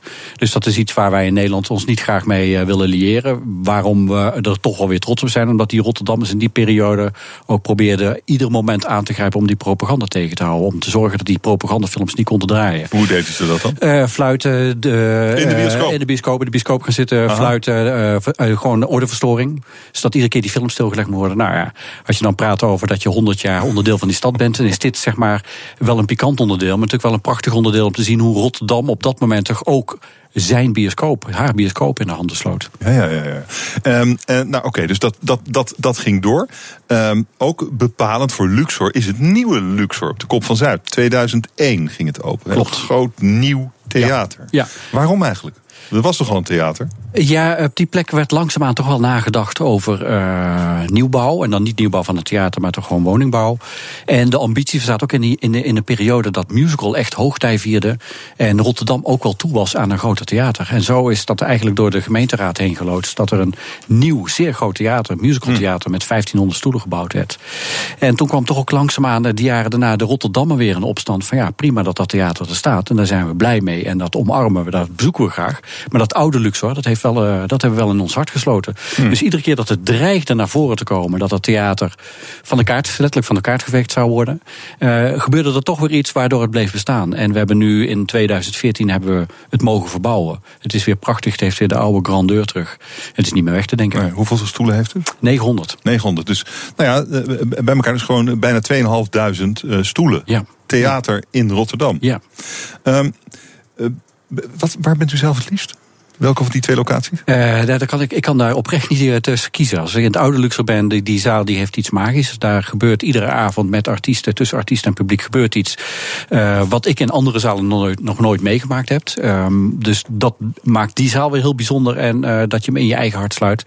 En in de nieuwe Luxor, de grandeur die het heeft, de luxe, het gevoel als je binnenkomt dat je echt al een avondje uit bent. En wat ook die zaal met zijn immens veel stoelen mm. toch ook kan doen met, uh, in de wisselwerking tussen artiest en uh, publiek, maakt het dat uh, ik in beide gebouwen eigenlijk oprecht even, even oh. graag ben. En waar is uw kantoor? Nieuwe Luxor. Oké. Okay. Maar het zijn drie metro-stations van elkaar. Dus binnen tien minuten sta ik in het oude Luxor. Um, uh, u bent in uh, 2014 uh, begonnen. U kreeg toen de opdracht: maak dit bedrijf, dus die twee theaters, binnen twee jaar kostendekkend. dat was de opdracht van de gemeente. Hoe stond het bedrijf ervoor? Het was blijven hangen in een reorganisatie. Um, uh, een jaar of drie daarvoor uh, vond de gemeente en het adviesorgaan van de gemeente dat de plannen die door Luxor gepresenteerd werden, dat die uh, nou ja, niet echt getuigden van visie. En op het moment dat een adviesorgaan dat vindt, dan vinden ze het ook onverantwoord om de gemeente te adviseren daar overheidsgeld in te nemen. Mm. En dat was wat er aan de hand was. Dus de overheidssteun die liep terug naar de hoogte van de huurgebouwen. En Luxor moest zich dus gaan, uh, gaan herzien. En dat hield in dat er echt een. Uh, toen ik binnenkwam, we midden in een reorganisatie zaten. En daar ben ik mee aan de slag gegaan. Reorganisatie, heel veel mensen eruit. mensen eruit, uh, mensen op andere plekken, uh, jezelf opnieuw uitvinden. Dat is eigenlijk wat we de afgelopen jaren gedaan hebben. Oké, dus u kreeg op dat moment alleen maar de huur? Ja. Dus ook niet personeelskosten, überhaupt niks meer? Uh, dan alleen maar de huur. In die periode, we praten in Rotterdam, uh -huh. in de grote steden vaak over een periode van vier jaar waarin je uh, geld krijgt van de overheid. En in die vier jaar was het de hoogte van de huur van het gebouw wat we kregen. En we kregen daar wat frictiegeld mee om dat reorganisatieproces te doorlopen. Ja, oké, okay, maar dan kan je dus niks doen. Dan kan je, dan, wat kan je dan doen? Je kunt best wel veel doen, omdat wij aan de, aan de uh, populaire kant zeg maar, van de podiumkunsten zitten. Dus wij, wij kunnen veel publiek trekken. Wij doen vaak zaken met vrije producenten, met ondernemers. En dat betekent dat je iets anders moet gaan nadenken over hoe je aan het ondernemen bent. En dan kun je best wel een deel van het geld uh, zelf verdienen. Hoe, hoe dan? Uh, door goede contractafspraken te maken. Net zoals ieder ondernemer zijn afspraken maakt, kunnen wij ook onze positie daarin innemen. Maar, maar kun je een voorbeeld geven? Hoe doe je dat dan? Want ik, ik denk dan, je, je boekt een artiest en ja, die moet je betalen, maar hopen dat er mensen komen kijken. Het, de, de, Zo, dat is ongeveer toch de business. Nou, de oude constructie, dat is toch een beetje oud. Denk aan ja. oude constructies inderdaad. Je krijgt een ja. aanbod, die zegt daar ja tegen. En je krijgt in het beste geval 15%. Als er voldoende omgezet wordt, wordt er niet voldoende omgezet, dan betaal je de kosten ook nog. Dus dat betekent, of het gaat niet goed, en dan heb je een verliespost waarvoor je subsidie nodig hebt, of het gaat goed. Uh, maar dan gaat het merendeel gaat toch richting de producent en de artiest. En op het moment dat je zelf een stukje risico durft te nemen binnen het vak, uh, hmm. dan kun je ook een ander aandeel opeisen van als het goed gaat. Uh, hoe, hoe doet u dat dan? Geef eens een voorbeeld. Een voorbeeld is uh, uh, dat wij met de uh, Oasebar, met de Marathon gezegd hebben... wij willen co-producent worden. En dat betekent dat we samen kijken naar hoe zo'n begroting eruit ziet. En we afspraken maken wie welk deel van die begroting als risico voor, zich neemt. En als het goed gaat, wie welk deel van de winst krijgt. Oké. En dan is het echt ondernemen. Dat betekent dat wij dan intern niet alleen maar naar de cijfers kijken, maar we ook met de afdeling marketing gaan zitten van waar liggen de kansen, hoe gaan we dat dan marketing technisch en communicatief naar buiten brengen. En ik denk dat als je een theater zichzelf daarin betrekt, die kent zijn omgeving veel beter, dat er voor beide partijen meer kansen liggen dan in de oude manier van werken. Oké, dus u bent gaan ondernemen in dat theater, u bent geld gaan verdienen. En hoe staat het er nu voor? We zijn er nog lang niet, maar uh, we zijn absoluut met uh, stip aan het stijgen op de ladder. Uh, het, het, gaat eigenlijk uh, zo goed dat Oasebar is een succes geweest, de marathon is een succes geweest. We zijn nu partner in Fiddler on the Roof, die uh, breed met vier sterren ontvangen is, waar we echt veel kaarten voor verkopen. we zijn echt heel veel partnerschappen ingestapt die op dit moment allemaal goed lopen. Dus als ik kijk naar de korte en middellange termijn. Korte termijn gaat goed, middellange termijn liggen er heel veel kansen. Maar we hebben ook nog wel uh, negatief uh, eigen vermogen weg te werken. Dus wat dat betreft zijn we een bedrijf die echt upcoming is uh, in de economische perspectieven. maar waar we nog lang niet zijn waar we willen zijn. Er zijn schulden. Nee, u zegt er is negatief vermogen, er zijn schulden. Ja. ja. Hoeveel ja. dan? wij staan nog een miljoen in de min. Oh. En dat was toen u het overnam? Dat was net iets meer. En we hopen dat het uh, aan het einde van dit boekjaar iets minder wordt. We hebben echt de eerste jaren zijn we echt bezig geweest met onszelf uitvinden, met strategie bepalen. Je weer naar de stad keren. En heel langzaamaan, hè, want we zitten nu drie jaar, mm -hmm. uh, zijn we met, met de hele club. Want het is overigens echt niet iets wat ik alleen doe. Ik ben er wel eindverantwoordelijk voor, maar zonder al die mensen doe je echt helemaal niks. Met die hele club zijn we nu langzaamaan zeg maar, echt die trap op aan het gaan. En dat we naar beneden kunnen kijken en zeggen van zie je wel hoe ver we al gekomen zijn. En dat miljoen, dat moet ook weg. Uh, en u krijgt, u krijgt dus nog steeds uh, alleen maar de, de huur van de gemeente. Nee, we hebben of in is de, het inmiddels het vertrouwen wat groter geworden? Het vertrouwen is iets groter geworden, want we hebben afgelopen jaar hebben we onze nieuwe plannen moeten indienen bij het adviesorgaan. Zo werkt het al bij de gemeente Rotterdam. En die plannen, die strategische plannen, die zijn met gejuich ontvangen. Dus daar hadden we in ieder geval al de punten gescoord. We hebben met wat praten hebben we ook het geld erbij gekregen. En dat hield voor ons in dat we nu 2,5 miljoen per jaar krijgen. 1,3 gaat richting de gebouwen. Dus dat, dat vloeit weer terug naar de huur. En 1,2 miljoen is uh, om ons te ondersteunen. Om onze ondernemende taak in de stad en onze publieke functie te kunnen uitoefenen. Ja, ja. En, uh, oké. En, en, maar dat miljoen moet wel weg. Ik ben, wie, wie, ik ben iemand uh, betaalt daar natuurlijk gewoon nu de, de, de rente over. Ja, gelukkig is de rente laag. Maar uh, natuurlijk is het uh, als ondernemer en ook als cult, cultureel ondernemer heb je natuurlijk altijd als doel om te zorgen dat ook je financiële huishoudboekje gezond wordt. Dus ons streven, ons absolute streven in economisch perspectief is minimaal naar nul. Oké, okay, in hoeveel jaar? Of? Uh, dat, is nog inge dat is echt nog in, te ingewikkeld om te zeggen. Uh, kijk, als je vraagt aan mij van hoeveel jaar zou je erover willen doen, dan denk ik dat vier, vijf jaar een reële termijn is om het te kunnen halen. Maar dan moeten wel alle omstandigheden die we strategisch uit hebben gezet, die moeten wel kloppen. En wij kunnen van alles verzinnen. Het zijn altijd maakprocessen. En iets wat je maakt kan mislukken. En zelfs als je iets maakt en het lukt, wil niet zeggen dat dan de hoeveelheden publiek erbij komen die je erbij nodig hebt. Ja, dat is een grote vraag natuurlijk. Dat, dat de Wat u hier zegt, wat u hier uitlegt over het ondernemerschap in, in, nou, in het, in het Theater. Is dat iets wat, wat u ook verder uh, in uw wereld ziet? Ja, er, zijn, er, zijn wel, er moet wel een nuance in aanbrengen op het moment dat je um, echt als doel hebt om met gesubsidieerde podiumkunsten, om nieuwe kunst te creëren, om uh, uh, maatschappelijk meer aan elkaar te stellen, dan heb je vaak ook zeg maar, een hoger subsidiebedrag nodig. Waar wij mee bezig zijn in Rotterdam is in de breedte zorgen dat iedere Rotterdammer een opstap heeft om te kunnen gaan genieten van podiumkunsten, dan kun je veel makkelijker ondernemen. En daar zoek je je partners voor. En die zoeken we binnen de stad, die zoeken we buiten de stad. En we kijken zelfs internationaal. En daarover praat ik zo meteen verder met Luxor-directeur Mark van Kaam. BNR Nieuwsradio. Mijn gast is Mark van Kaam, hij is directeur van het Luxor Theater in Rotterdam, dat aan het einde van het jaar 100 jaar bestaat. Meneer van Kaam, we hadden het net over uh, hoe u uh, geld verdient, onderneemt uh, in de culturele sector, in het, in het Luxor. uw motto is, uw missie is binnen de stad nog meer samenwerken, maar ook internationaal kijken naar wat interessant is voor de stad. Ja. Even uitleggen, wat bedoelt u daarmee? Nou, het meest belangrijke. Kijk, wij zijn een instelling die er. Wij zijn in het leven geroepen eigenlijk voor de stad. Wij zijn, het is de bedoeling dat Luxor een bijdrage levert aan het wel en wee en het, aan het fijn wonen in zo'n stad. Um, als zo'n stad verandert, en Rotterdam is een stad die denk ik heel erg aan het veranderen is. Een stad van een, van een blanke stad naar, naar een, uh, een stad die uh, bestaat uit allerlei nationaliteiten, met allerlei andere wensen, met allerlei andere achtergronden. Dan moet je iedere keer moet je durven blijven kijken naar de behoeftes van die stad en daarop proberen in te gaan. Oké, maar en eh, wat, hoe verandert die behoefte? Wat is die behoefte van die veranderende stad? Geef eens wat voorbeeld. Nou, als je kijkt naar de, de, de traditionele Rotterdammer, die kunnen wij enorm blij maken met uh, verhalen zoals de Oasebar. Echte oude verhalen die je terug op de planken brengt. Zo een, een verhaal als de Marathon met echte Rotterdamse uh, ondertoon. Daar maak je zo'n groep blij mee. Maar de jonge, moderne Rotterdammer, die maken wij, denk ik, daar ben ik van overtuigd, heel erg blij door wat met spoken word. We hebben net de Vandalen Spoken Awards gehad. Dan zie je weer een hele ander deel van Rotterdam. Spoken word, misschien even uitleggen wat dat is. Spoken is eigenlijk het gesproken woord uh, wat echt wel uh, theater aan het worden is. Mm. Daar kun je zo verschrikkelijk veel mee doen. Een, een voordrachtskunstenaar. Het is eigenlijk een voordrachtskunstenaar. Dichters die hun eigen werk voorlezen. Ja. ja. We hebben nu de Stadsdichter heeft een prachtig gedicht voor ons geschreven. Otto Derk was gisteren hier. Ja, nou, die, die heeft, daar ben ik zo trots op. Die Dirk, heeft een, Dirk Otto moet ik, ja, Dirk heeft, Otto, moet ik zeggen. Dirk Otto, ja. Die heeft echt een prachtig gedicht geschreven over, het, over 100 jaar Luxor. Gaan we ook op beide muren, op beide gebouwen zetten. Is toch geweldig. En dat is zeg maar weer een, een heel ander soort Rotterdammer dan de Rotterdammer die uh, uit de generatie komt van net voor de oorlog of net na de oorlog. Ja, maar hij is wel spierwit. Uh, Dirk? Ja. Ja, maar goed, het, uh, Dirk representeert denk ik in mijn beeld meer zeg maar een generatie dan oh. dat wij in kleuren denken. Ik denk helemaal oh, okay. niet in kleuren. U denkt in generaties? Ja, volgens mij moet je gewoon in generaties kijken en hoe zo'n stad zich, uh, die generaties door die stad bewegen, hoe zij bezig zijn met hun cultuur.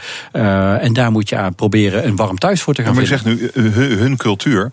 Dat impliceert dat er allerlei verschillende culturen zijn in die stad. Het is natuurlijk ook zo met al die nationaliteiten. Ja, iedereen neemt zijn eigen achtergrond ja, mee. Maar hoe ga je daarvoor cateren als theater? Hoe, hoe gaat u dat? U zegt spoken, spoken word. Nou, dat is natuurlijk hartstikke leuk, maar niet voor iedereen. Nee, ook maar, niet in nee. die generatie. Nee, maar volgens mij moet de tijd ook voorbij zijn dat wij zeggen we zijn er voor iedereen. Wij proberen zeg maar voor iedere Rotterdammer uh, open te staan en warm thuis te zijn. En daar heb je heel veel verschillende producten voor. Waarvoor de ene keer iemand van Zuid zegt, daar ben ik in geïnteresseerd. De andere keer zegt iemand van 20, ik ben geïnteresseerd. Uh, echt uh, doelgroepen denken en specifiek op doelgroep maken, daar geloof ik niet zo in. Hmm. Je, je, kijkt naar wat er in die stad leeft. Je kijkt hoe de makers in die stad bezig zijn. En je kijkt of je kunt verbinden. Ik denk dat nou, dat belangrijk is. Wat, wat, er leeft in die stad is natuurlijk zo, zoals Dirk Otte. nou, we halen het maar weer even aan, die hier gisteren was het zei. Het is een stad van tegenstellingen tussen de verschillende bevolkingsgroepen. Dat is wat, wat hij ook zei. Er, zijn, uh, er is zoveel verschil tussen wat u net al zei, de oude Rotterdammer en de nieuwe Rotterdammer. Tussen de, uh, de verschillende nationaliteiten, de verschillende geloofsrichtingen. Noem het allemaal op. Het zijn allemaal tegenstellingen. Wat doet u daarmee? Vindt u dat u daar iets mee moet?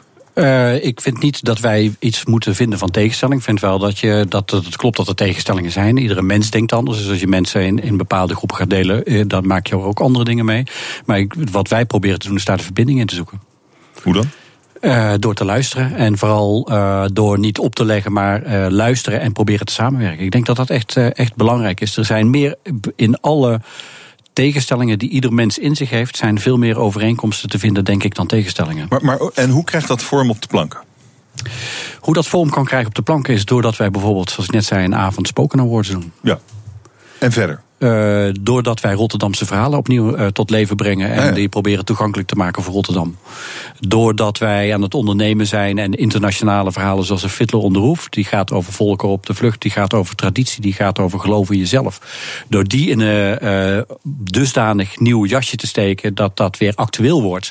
En dat je, daar, dat je een fantastische avond hebt en ermee naar buiten loopt met je eigen vraagtekens en je eigen verhalen. Ja. Dat is theater en dat boeit mij zo. En, en waar is het internationale aspect uit uw missie?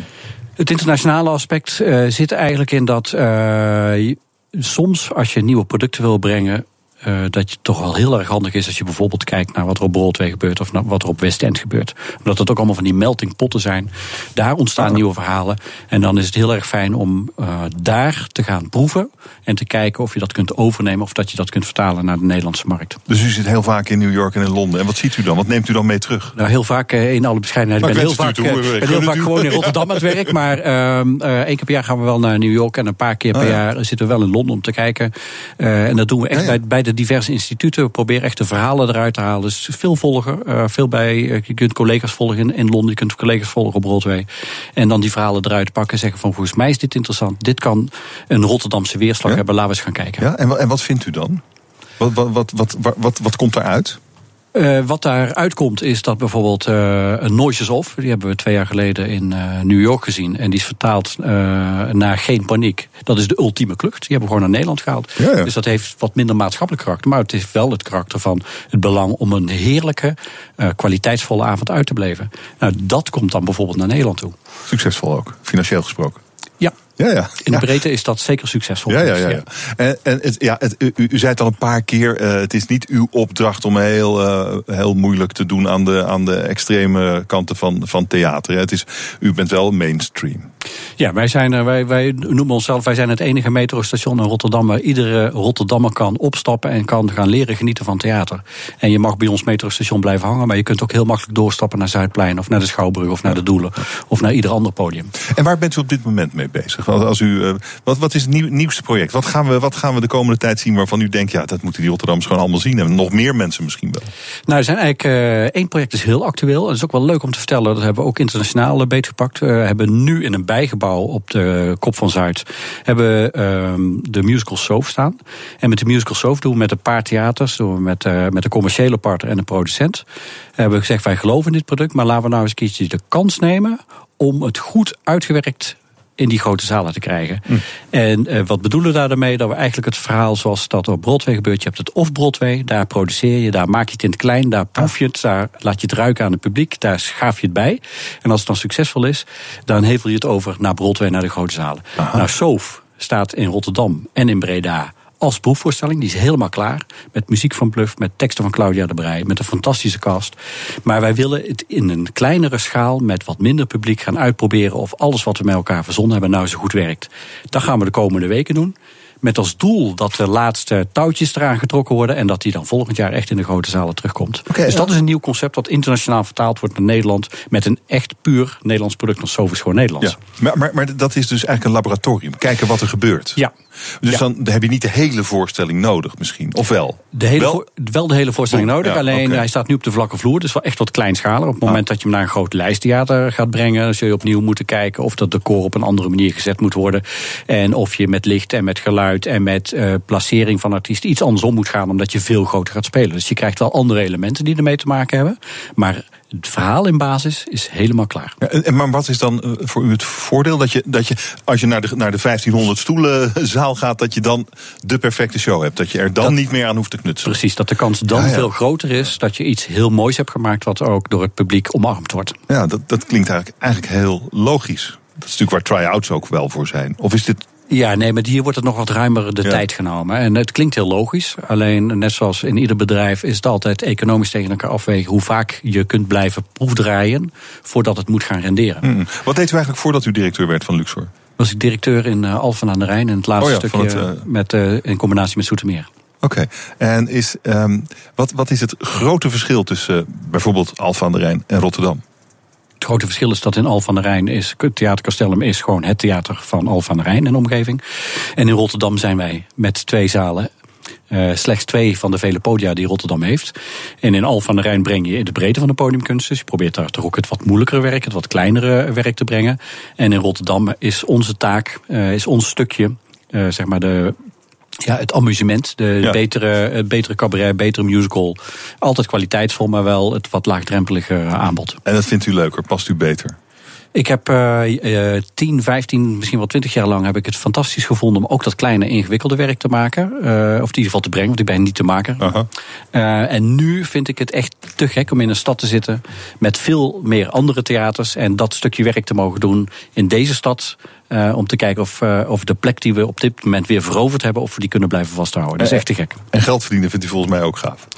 Uh, ik vind het niet erg, zeg maar, om daar een goede balans in te vinden. Maar de basis voor mij is, geld verdienen is de basis om te kunnen overleven. Maar als, als je het niet doet met een hart voor de podiumkunsten mm. en geloven waar je voor staat, krijg je het volgens mij nooit voor elkaar. Hartelijk dank voor dit gesprek. Mark van Kaam, directeur van Luxor Theater in Rotterdam. Dank u zeer. BNR Nieuwsradio. Hemmen. Hemmen. Normaal gesproken doet een professor twee dingen: onderzoek en lesgeven. Professoren aan de Universiteit van Tilburg krijgen er nu een derde baan bij. Ze moeten zorgen voor maatschappelijke impact. Ik heb twee Tilburgse hoogleraren hier bij mij in de studio. Ton Wildhaag is hier, hoogleraar arbeidsmarkt. En Dick den Hertog, hij is hoogleraar operations research. Welkom allebei, goedemiddag. Dankjewel. Dankjewel. Uh, maatschappelijke impact, wat is dat eigenlijk? Nou ja, kijk, maatschappelijk impact betekent dat we, uh, dat we met de kennis die we verzamelen ook uh, de maatschappij vooruit helpen. Uh, dus we proberen met de kennis en het onderzoek bij te dragen aan uh, de oplossing. voor zover dat kan natuurlijk, van maatschappelijke problemen. Dat deed u toch al? Dat deden we al. dat deden een aantal mensen. maar we gaan dat nu met een visie, organisatie en ook echt benoemen als de derde verantwoordelijkheid van de universiteit. Oké, okay, en toetsen? En, en, ook toetsen. Ja, zeker. Want als je het doet, uh, wil je ook meten. Dat willen we met onderzoek ook. Maar impact wil je ook meten. En vooraf afspreken, wat doen we dan? Met wie? En hoe komen we tot het resultaat? Nou, u bent hoogleraar arbeidsmarkt. Hoe gaat u uh, maatschappelijk impact maken? Nou, kijk, bijvoorbeeld één probleem in, in Nederland is dat we een heleboel jongeren hebben die uh, onvindbaar zijn, on, onzichtbaar. Die hebben geen werk, zitten niet op school en hebben zelfs geen uitkering. Jeugdwerkloosheid, dat gaat beter, maar deze groep is onzichtbaar. En wat we willen doen is helpen de jongeren te vinden, hè, wat al heel moeilijk is, maar daar hebben we ook weer nieuwe methoden voor. Hm. En vervolgens willen bijdragen aan uh, ja, de, de, het vergroten van de kans dat die jongeren weer aan kunnen haken bij school en arbeidsmarkt. Okay. En daar schrijven we over, daar doen we onderzoek naar. We willen ook nu die kennis gebruiken om samen met maatschappelijke partijen dat te bereiken. Maar dan gaat u eigenlijk iets doen wat een beetje buiten uw wetenschappelijke scope ligt. Ja, dat lijkt wel zo. Lijkt het op? Uh, dat, daar lijkt het op. Maar als we dat doen, dan verzamelen we ook weer nieuwe kennis. In dat geval over deze jongeren. Dus we hebben daar zelf ook wat aan. Hè, want we komen dan uh, in de praktijk, uh, we werken met die jongeren, we verzamelen allerlei gegevens. Uh, en dat stimuleert ook weer ons onderzoek. En dan kan die kennisontwikkeling door. En tegelijkertijd kunnen we impact bewerkstelligen. Okay. En, en wanneer begint u hiermee?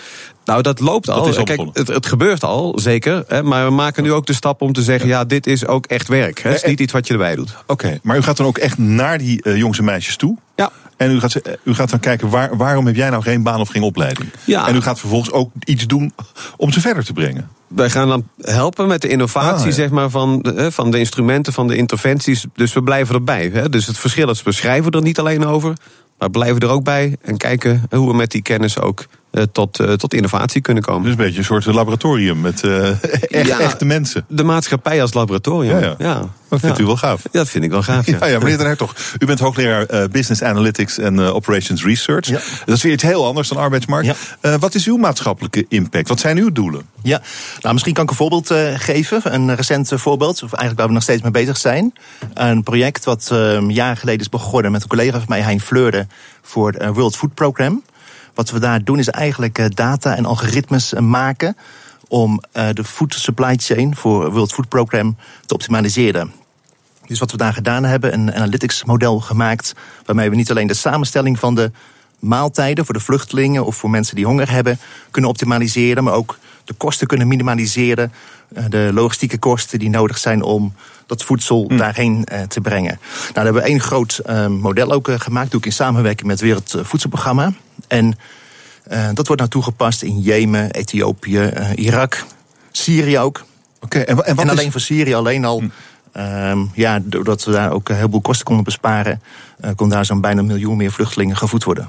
Dat is ongelooflijk. Want ja, uw, uw, uw vak is, als ik het dan heel simpel zeg, is op basis van data processen zo efficiënt mogelijk laten verlopen. Is, komt dat in de buurt van wat u doet? Ja? Ja, ja, data dus- gebruiken, algoritmes, en- dus, informatie. Ja. Oké, en hoe deed, wat, deed u dan nooit iets op, op dat vlak? Want het zijn natuurlijk enorme logistieke operaties. Heeft u nooit daarnaar gekeken, naar hoe dat gaat met vluchtelingen, hulporganisaties? Ja, zeker wel. Maar ik denk het nieuwe van dit programma is ook dat we de, de onderzoekers verbinden met elkaar.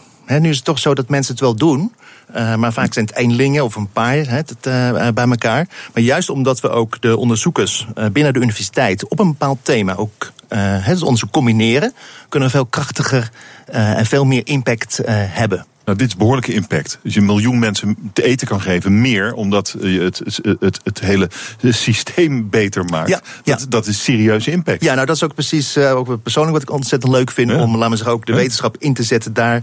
Hè, om echt de maatschappij en zeker ook de kwetsbaren eh, te helpen. En de maatschappij eh, vooruit eh, te helpen. Het is wel verbijsterend dat het mogelijk is. Dat die processen nog niet al lang op orde zijn. Nou ja, nee, ik denk dat je zo moet zien dat ook eh, de wetenschap gaat vooruit. De technieken gaan eh, vooruit. En eh, het is prachtig om die in te zetten eh, om het nog beter te maken. Ja. Ehm, Oké, dat is maatschappelijke impact. Wat jullie betreft, zijn er in Tilburg nog meer initiatieven, meneer Wildhagen, waarvan u zegt, ja, dat is gaaf, daar moeten we het even over hebben? Nou ja, zeker. Hè. Dus er zijn allerlei toepassingen mogelijk. Belangrijkste is nu dat universiteiten nu ook de stap nemen en zeggen: ja, dit telt. Hè. Dus ook in het waarderingssysteem, er wordt natuurlijk afgerekend op toppublicaties. Dat moet blijven. Maar deze meerwaarde, als je dat onderkent, dan komen er heel veel boel mensen die zeggen: ja, dan stap ik ook mijn kantoor uit, want ik kan niet. Oh ja, ja, ja. Ik, ik vroeg eigenlijk naar, naar iets anders, maar dit is eigenlijk veel interessanter nog. Want dit, dit, dit bepaalt misschien wel het slagen van, eh, van dit experiment. Nou ja, dat is ook zo. Want kijk, voorbeelden zijn er legio. Hè. Ja. Die zitten ook eh, wat betreft eh, het herkennen van, van huidkanker, zeg maar. Hè. Dus eh, het, het, eh, beter kunnen bestralen van tumoren. Ook met behulp van, eh, van datawetenschap. Dus er is geen gebrek aan mogelijkheden en, en, en, en kansen, zeg maar, om eh, de waarde, wetenschappelijke kennis tot waarde te brengen in de maatschappij. Maar het gaat er nu even over dat we de mensen op de universiteiten ook eh, in die positie kunnen, kunnen eh, brengen. want willen is één, maar daar, daarmee moet ook die wetenschap zich openen, zeg maar. En moet dat ook doordrongen zijn in de universiteit dat het zo ook ja, vanaf nu zo is. En is dat een moeilijke missie?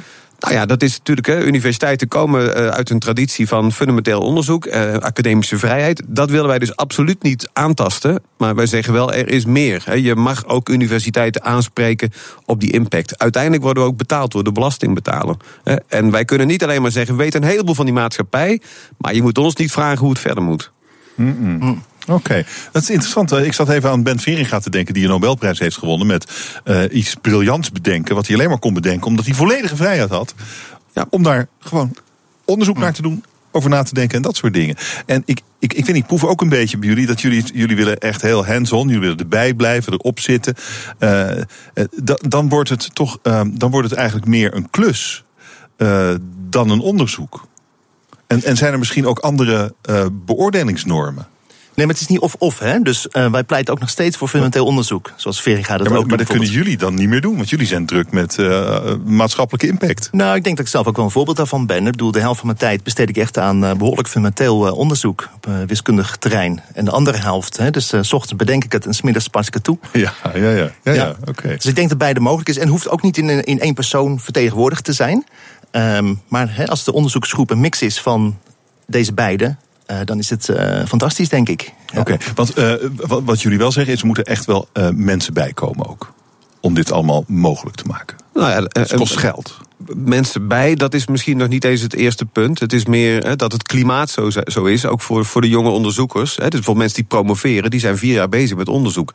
Um, tot nu toe uh, was het gevaar dat ze uh, helemaal aan het eind van de gang in een kamertje zaten... en er vier jaar later met een boek uitkwamen. Dat willen jonge mensen niet. Maar we moeten natuurlijk wel zeggen, dat zie je ook... het is ook beleid van de Vereniging van Universiteiten... dat dat impactstukje, dat dat meetelt. En als we dat doen, dan zullen ook de jonge onderzoekers zeggen... nou ja, ik wil dat fundamentele proefschrift. Maar ik snap ook de behoefte aan impact en ik wil er ook wat aan doen. Dus we, nogmaals, het klimaat creëren. Uh, morgen hebben we een Impact Festival van de Vereniging van Universiteiten. Uh, dus je ziet dat die ontwikkeling er is. En als je dat in goede banen leidt, ja, dan is het inderdaad, zoals mijn collega zegt, niet of-of. Maar en, en. En het is ook wederkerig, hè? Dus dat, uh, doordat ik ook naar buiten treed en ook dit soort toepassingen doe, dat komt ook ten goede aan mijn onderzoek. Dat komt ook ten goede aan mijn publicaties. Ja, het is wel fijn om af en toe buiten te zijn, natuurlijk. Ja. ja, ja. En, um, wat er dan, heeft u ook iets nodig van de overheid? Als het gaat over financiering, bijvoorbeeld. Nou ja, kijk, financiering, die lijnen lopen met de universiteiten. Maar wat de uh, overheid vraagt, uh, met de universiteiten afspreekt, zijn zogenoemde prestatieindicatoren. En die, als je die heel nauw afspreekt, hè, dat is in het onderwijs ook, als je zegt, uh, als u maar zoveel mogelijk studenten opleidt, doet u het goed.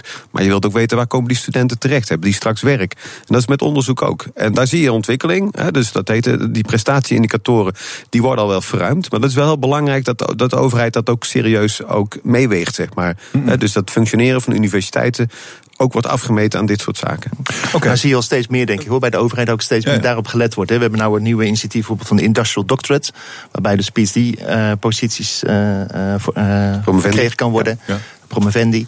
maar waarbij dus ook bedrijven een rol in, in spelen. Wat is, wat is uw volgende maatschappelijke impactproject, meneer de Hertog? Um, nou, we gaan nu beginnen aan uh, eigenlijk een soortgelijk iets uh, wat we nu uh, gedaan hebben bij World Food Program, maar dan voor medicijnen in Afrika. Om, laten we zeggen, de juiste medicijnen op de juiste plek, op de juiste tijd voorradig te hebben. Ook het inzetten van drones om die medicijnen op ook plekken te krijgen waar wat moeilijk, die moeilijk bereikbaar zijn. En dat alles ook weer op basis van data en algoritmes. Oké, waarom zoekt u het zo ver weg? Kunt u in Nederland niet iets doen? Ja, ik kan ook in Nederland wat noemen hoor. Dus ik heb zelf ook een project uh, gedaan, uh, samen ook met Deltaris en nog veel andere partijen op het gebied van dijken. Dus de dijkhoogte in Nederland. ook dat is een heel groot ja. analytics model. En uiteindelijk is daar dus ook de dijkhoogte geaccepteerd. En ook in de wet staat, nu, staat nu ook in de wet. Ja, ja. en ook daar hebben we ook enorme besparingen mee, mee bereikt. En, en meneer Wildhaag, als u klaar bent met de jongeren, als ja. die allemaal een baan hebben of een opleiding aan het doen zijn. Wat is dan uw volgende missie? Nou ja, er loopt een, een, een heleboel in feite al. Dus een van de dingen die we doen bijvoorbeeld is bedrijven inzicht geven in de afweging waar kan ik nou het beste produceren. Is dat nog steeds in China? Hè, want daar ooit uh, ging je daar naartoe voor lage lonen. Maar we hebben een instrument gemaakt waarin bedrijven de afweging kunnen maken. Wij uh, uh, leggen niks op, hè, maar er zijn nu bedrijven die zeggen: ja, we hebben dat model gebruikt. En we zien als het werk niet uitbesteden, het bespaart ons anderhalf miljoen. En tegelijkertijd stijgt de werkgelegenheid in dat bedrijf in Nederland. Dat is ook zo'n toepassing. Heerlijk praktisch allemaal. Ja, maar dat vereist dus een heleboel kennis. Er zitten 125 variabelen in dat model. Moet je dus behoorlijk op studeren. Maar als dat eenmaal werkt, kan je er ook dit soort maatschappelijk impactdingen mee doen. Dank jullie wel voor dit gesprek. Ton Wildhagen en Dick den Hertog, beide hoogleraren aan de Universiteit van Tilburg. Dank jullie zeer. En zometeen, hoe is het om te leven in een groot Russisch gezin onder Stalin? Regisseur Aliona van der Horst legt de onvoorstelbare verhalen vast in haar nieuwe film. BNR Nieuwsradio.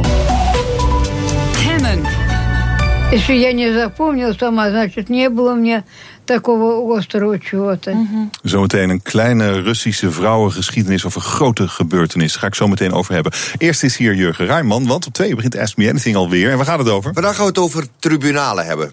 Ja, dat is duidelijk. Ja, Mladic is die, net veroordeeld tot levenslang uh, door het Joegoslavië-tribunaal. Maar de vraag is van, die tribunalen, zijn het allemaal overwinnaars, of overwinnaarstribunalen? Wie bepaalt wie voor een tribunaal komt? Ik bedoel, um, zouden bijvoorbeeld Bush en Blair zich ook die moeten verantwoorden voor de oorlog in Irak, die op uh, valse voor, of onder valse voorwendsel heeft plaatsgevonden? En uh, wie zijn wij in het Westen om steeds maar te bepalen wie voor een tribunaal moet verschijnen en wie niet. Uh, dat zijn allemaal vragen die we vandaag kunnen stellen. Wat voor soort tribunalen uh, ontstaan er? Uh, is er veel politieke invloed? heeft Mladic een eerlijk proces gehad? Nou, het wordt een beetje zware kost, maar ik heb ook echt toppers in de studio die er alles over kunnen vertellen. Ik heb bijvoorbeeld Victor Koppen in de studio, internationaal strafrechtadvocaat. Nou, hij heeft onder andere de tweede man van naast Pol Pot heeft ja, ja. hij verdedigd. En ik heb Frederik de Vlaming in de studio en zij is gepromoveerd op het Joegoslavië-tribunaal. Dus die weet er alles van. Hmm. Dus alle vragen over tribunalen, hoe gaat het zo? Zou bijvoorbeeld ook een vraag, zou Nederland misschien een keer ook voor een tribunaal moeten verschijnen over wat er allemaal in Indonesië toen gebeurd is? Maar dat komt ook nu pas naar buiten. Hmm. We zullen het zien. En waarom komt Amerika nooit voor een tribunaal? Want die erkennen het strafhof niet. Wat heeft het strafhof, het internationaal strafhof, met tribunalen te maken? Ik heb zelf zoveel vragen, Roelof, dus je kan je voorstellen het woord. Vandaag allemaal via Twitter, BNR, via Facebook. Je mag me mailen, askme.bnr.nl. Je kan natuurlijk WhatsAppen, het nummer staat op bnr.nl. Maar het leukste is, Bellen. dankjewel, 020 468 En stel je vraag live in de uitzending. Maar nu gaan we naar die sfeerleukers. Dat zijn gewoon mooie verhalen van Russische vrouwen. Jurgen, dankjewel. Regisseur Aliona van der Horst is bij me. Ze kreeg een bijzondere erfenis. Een zesde deel van het Russische huis waar haar moeder opgroeide. Samen met haar Russische familieleden ruimt ze het huisje leeg. En heel langzaam komt ze meer te weten over het onbekende verleden van haar moeder en haar vijf zussen. Ze legt alles vast in haar film. Haar nieuwe film, Liefde is aardappelen. Aliona van der Horst, welkom. Goedemiddag, mooi dat u er bent. Hoi. Uh, dan, dan erf je dus een zesde deel van een heel oud en rommelig klein huisje ergens in een Russisch dorpje. Uh, en het, het is een heel klein huisje en dan een zesde deel. Ja. Uh, merkwaardig. Ja, ja het was uh, zes vierkante meter, want het huis zelf was 36 vierkante meter. En uh, mijn oma had zes dochters, waarvan mijn moeder dus een van de ja. zes zussen was. En dus iedereen. In dat kleine huisje? In dat kleine huisje. Dus ze zaten daar met z'n nou ja, met tienen, allemaal oma's, opa's, van alles bij elkaar in dat kleine huisje. En uh, mijn oma heeft het toen verdeeld ook. Hè. De, elke dochter kreeg zes vierkante meter. En, en ook bepaald welk, moeder... welke zes vierkante meter? Ja, nou, mijn, uh, mijn neef, in het, uh, toen ik er kwam, zei hij van... nou, hup, deze kamer is van jou. En dat was de kamer waar mijn moeder vroeger ook als kind is opgegroeid. Met de zussen. Oké. Maar dan, dan, dan, dan sta je daar en dan heb je opeens een kamer in Rusland. Ja. ja. Het, het lijkt me gek. Ja, nou ja, ik dacht, nou ja, weet je, mijn moeder zei altijd: als Nederland overstroomt, dan uh, kan je altijd nog naar Rusland toe. Dus uh, hou die erfenis nou maar. Je weet nooit hoe de politiek en hoe de wereld nog gaat veranderen. Waar staat het huis? Wat is de omgeving? Uh, het staat eigenlijk niet zo ver van Moskou. Mm -hmm. En het, wordt, ja, het wordt langzaam door Moskou opgeslokt. Alleen ja, op dit moment de, de, omgeving is nog heel erg ja, vol met houten huisjes. Ja, je kent ze wel, mensen die in Rusland zijn geweest... met die prachtige omlijstingen boven de ramen, hout, uh, heel veel kleurtjes, uh, geschilderd tuin eromheen. Ja, rommelig ook, zag ik in de film vanmorgen. Het is volgestouwd met uh, ja. van alles. Mensen die niet konden weggooien, hongerleiers... die altijd alles moesten bewaren en ja... Als je eenmaal honger hebt geleden, kan je volgens mij niks meer weggooien. Dat geldt ook voor mensen in Nederland, volgens mij. Is er ook wel een thema in de film, honger? Ja, dat is zeker een thema. En zwijgen is een thema. En mm. uh, het. Uh, dat zijn eigenlijk wel de grote thema's, ja. En uh, ik wil toch even in dat huisje blijven. Ja. want um, hoe is het dan om als kleindochter, mm -hmm. dochter, in, zo'n, in dat huis te zijn? Want kende u het al van ja, eerder? Ja, ik was ben, al veel vaker Ja, nou als kind ging ik erheen. Ik ging altijd oh, ja. uh, met mijn moeder mee naar Rusland uh, met de trein op bezoek naar oma. En die woonde er toen nog. En uh, toen ben ik er de hele tijd niet geweest. En uh, nu kwam ik weer terug.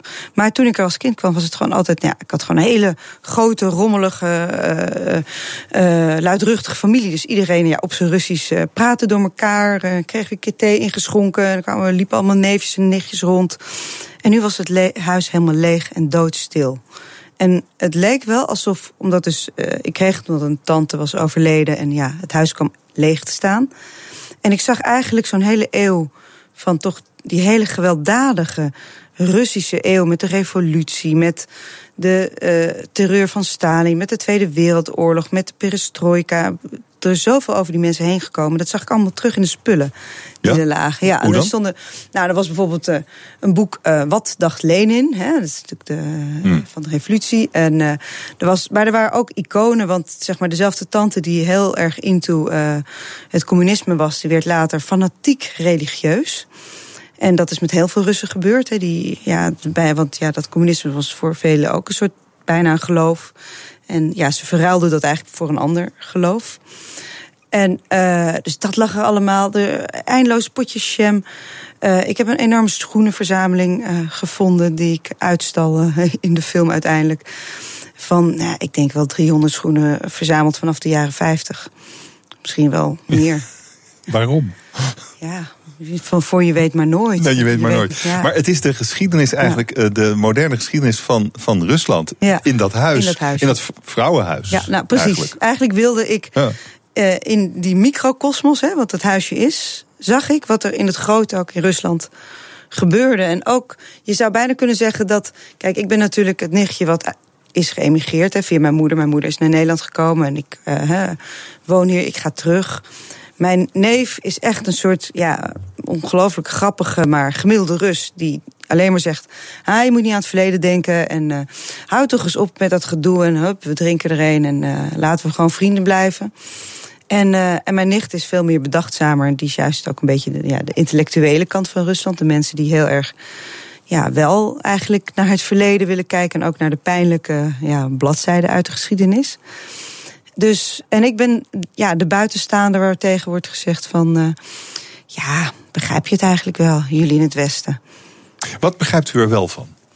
Nou ja, het is wel een terechte meer, vraag die Ja, stelde, zeker, zeker. Ja. Nou ja, wat ik, ja, ik denk, ik heb er natuurlijk ontzettend in verdiept zo langzamerhand. En uh, ik denk dat ik het nooit helemaal zal begrijpen. Hmm. Want ik ben natuurlijk opgevoed in een maatschappij met een ja, civic society, waarin je gewoon ook een soort het gevoel hebt dat als er iets mis is, dat je in ieder geval naar de rechter kan en dat er waarschijnlijk een redelijk oordeel geveld zal worden. En in Rusland ben je geen burger, dan ben je onderdaan. Je bent onderdaan en dat was in de Sovjet-tijd ja, bijna uh, ja, slaaf, zou je kunnen zeggen, voor heel veel boeren. Want het gaat over een boerenfamilie. Het gaat eigenlijk over het onverteld verhaal van de Russische boerenstand. Die ongelooflijk heeft geleden uh, tijdens ja, de landbouwhervormingen van Stalin. En hervormingen, ja, dat is eigenlijk met uh, haakjes. Want het was gewoon eigenlijk, iedereen werd een soort collectieve boerderij ingedreven. Uh, ze moesten, mijn oma die moest gewoon ja, 18 uur per dag werken ongeveer. En kreeg geen salaris. Nou ja, wat zes, zeven dagen per week. Dat, dat is eigenlijk bijna slavernij. Ja. En toen kwam daar die oorlog. Toen kwam die oorlog, ja. ja. Ging het eten, het eten ging naar de oorlog. Ja, nou, naar de soldaten. Nou, dat was nog veel erger. Het was, de hongersnood was 1933, was nog helemaal geen oorlog in zicht. Maar Stalin wilde het land opbouwen en he, de militaire industrie. Mm. Dus eigenlijk werd alles opgeofferd om maar die gigantische fabrieken daar neer te zetten. En het land de moderniteit, moderniteit eigenlijk in te dwingen. Maar wat er gebeurde is, al die boeren die moesten al hun graan afstaan. Ah. En er zijn daarbij 6 miljoen uh, uh, hongerdoden ongeveer gevallen. Hè? En het werd ook nog eens een keer doodgezwegen. Want er werd niet over gepraat. Het was eigenlijk de bedoeling dat dat niet gebeurde. Er zit een uh, scène in de film. dat gaat over hoe ik, ja, dat moet dan uh, oma geweest zijn. Ja. Uh, die overwoog om zichzelf van het leven te beroven. Ja, en ik heb altijd en, gedacht dat dat was gewoon omdat ze levensmoe was. Maar ja. dat had een hele andere reden. Ja, en dan vraag je dus, en dat bedoel ik met dat we nou, Russen misschien niet altijd ja. begrijpen. Nou, mijn nicht zegt, uh, door zich van het leven te beroven, konden de kinderen tenminste het weeshuis in. En dan kregen ze te eten. Ja. Dus zij dacht, misschien moet ik mijn leven geven om hun te redden. En, maar dat had je helemaal niet begrepen. Nee. Nee, en niemand dat, niet, en dat, dat is een ja. heel veelzeggende scène in de film. Ja. Hè? ja, vind ik ook, ja. Over, over uh, die, die Sovjet-Unie, dat enorme uh, onrecht eigenlijk wat Ja. daar is gebeurd. Wat daar over die mensen is uitgestort. Daar, daar, dat is, dat, ik vond het wel pijnlijk. Ja, ja, ik vond het enorm pijnlijk. Ja, ik maar het is je eigen familie ja. ook nog eens een ja. keer. Ja, dat ik het niet door had, ja. En mijn moeder waarschijnlijk ook niet trouwens. Nee, Die uh, schreef erover, ja. En pas mijn nicht zegt, ja, dat, dat, dat gebeurde vaker. Dat was a way out. Ja, ze heeft het niet gedaan. Nee, gelukkig, ja. um, de, de, deze, heeft de, het, het, maken van de film... Uh, wat, wat heeft het je gebracht? Uh, aan inzicht, aan kennis, aan... Nou, eigenlijk... Want dat brengt het de kijker natuurlijk ja, ook. Ja, nou, het heeft mij heel veel compassie gebracht, eigenlijk. En een soort uh, begrip voor alle, voor iedereen, voor iedereen's standpunt. He, ik, ik, bijvoorbeeld, ik was helemaal gechoqueerd door mijn oude tante van 91 die beweert dat, ze, dat er niks is gebeurd in haar leven, dat ze een totaal normaal leven heeft geleid. En terwijl ze was acht toen die hongersnood uitbrak en er nou ja, kinderen stierven. En oh, nou, dat weet ze allemaal niet. En tegelijkertijd is het een ontzettend lief iemand. En tegelijkertijd zegt ze: ja, Stalin, dat was, niet een, dat was geen vijand van het volk. dat, uh, die, die was helemaal niet zo slecht.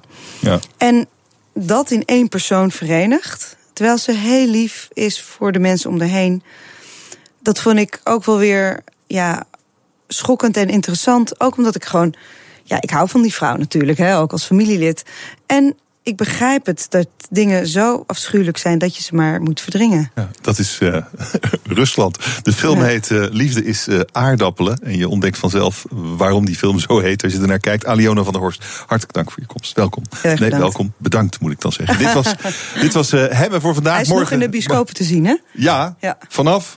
Oh, al een nu tijd. toch? Ja. ja. Mm -hmm. Liefde, ik nog even door. Liefde is aardappelen. Uh, dit was het voor vandaag. Morgen ben ik er natuurlijk weer. Dan spreek ik dirigent Otto Tausk, die Nederland verruilde voor Canada. Dat morgen. Nu eerst Jurgen Ruijman met Ask Me Anything.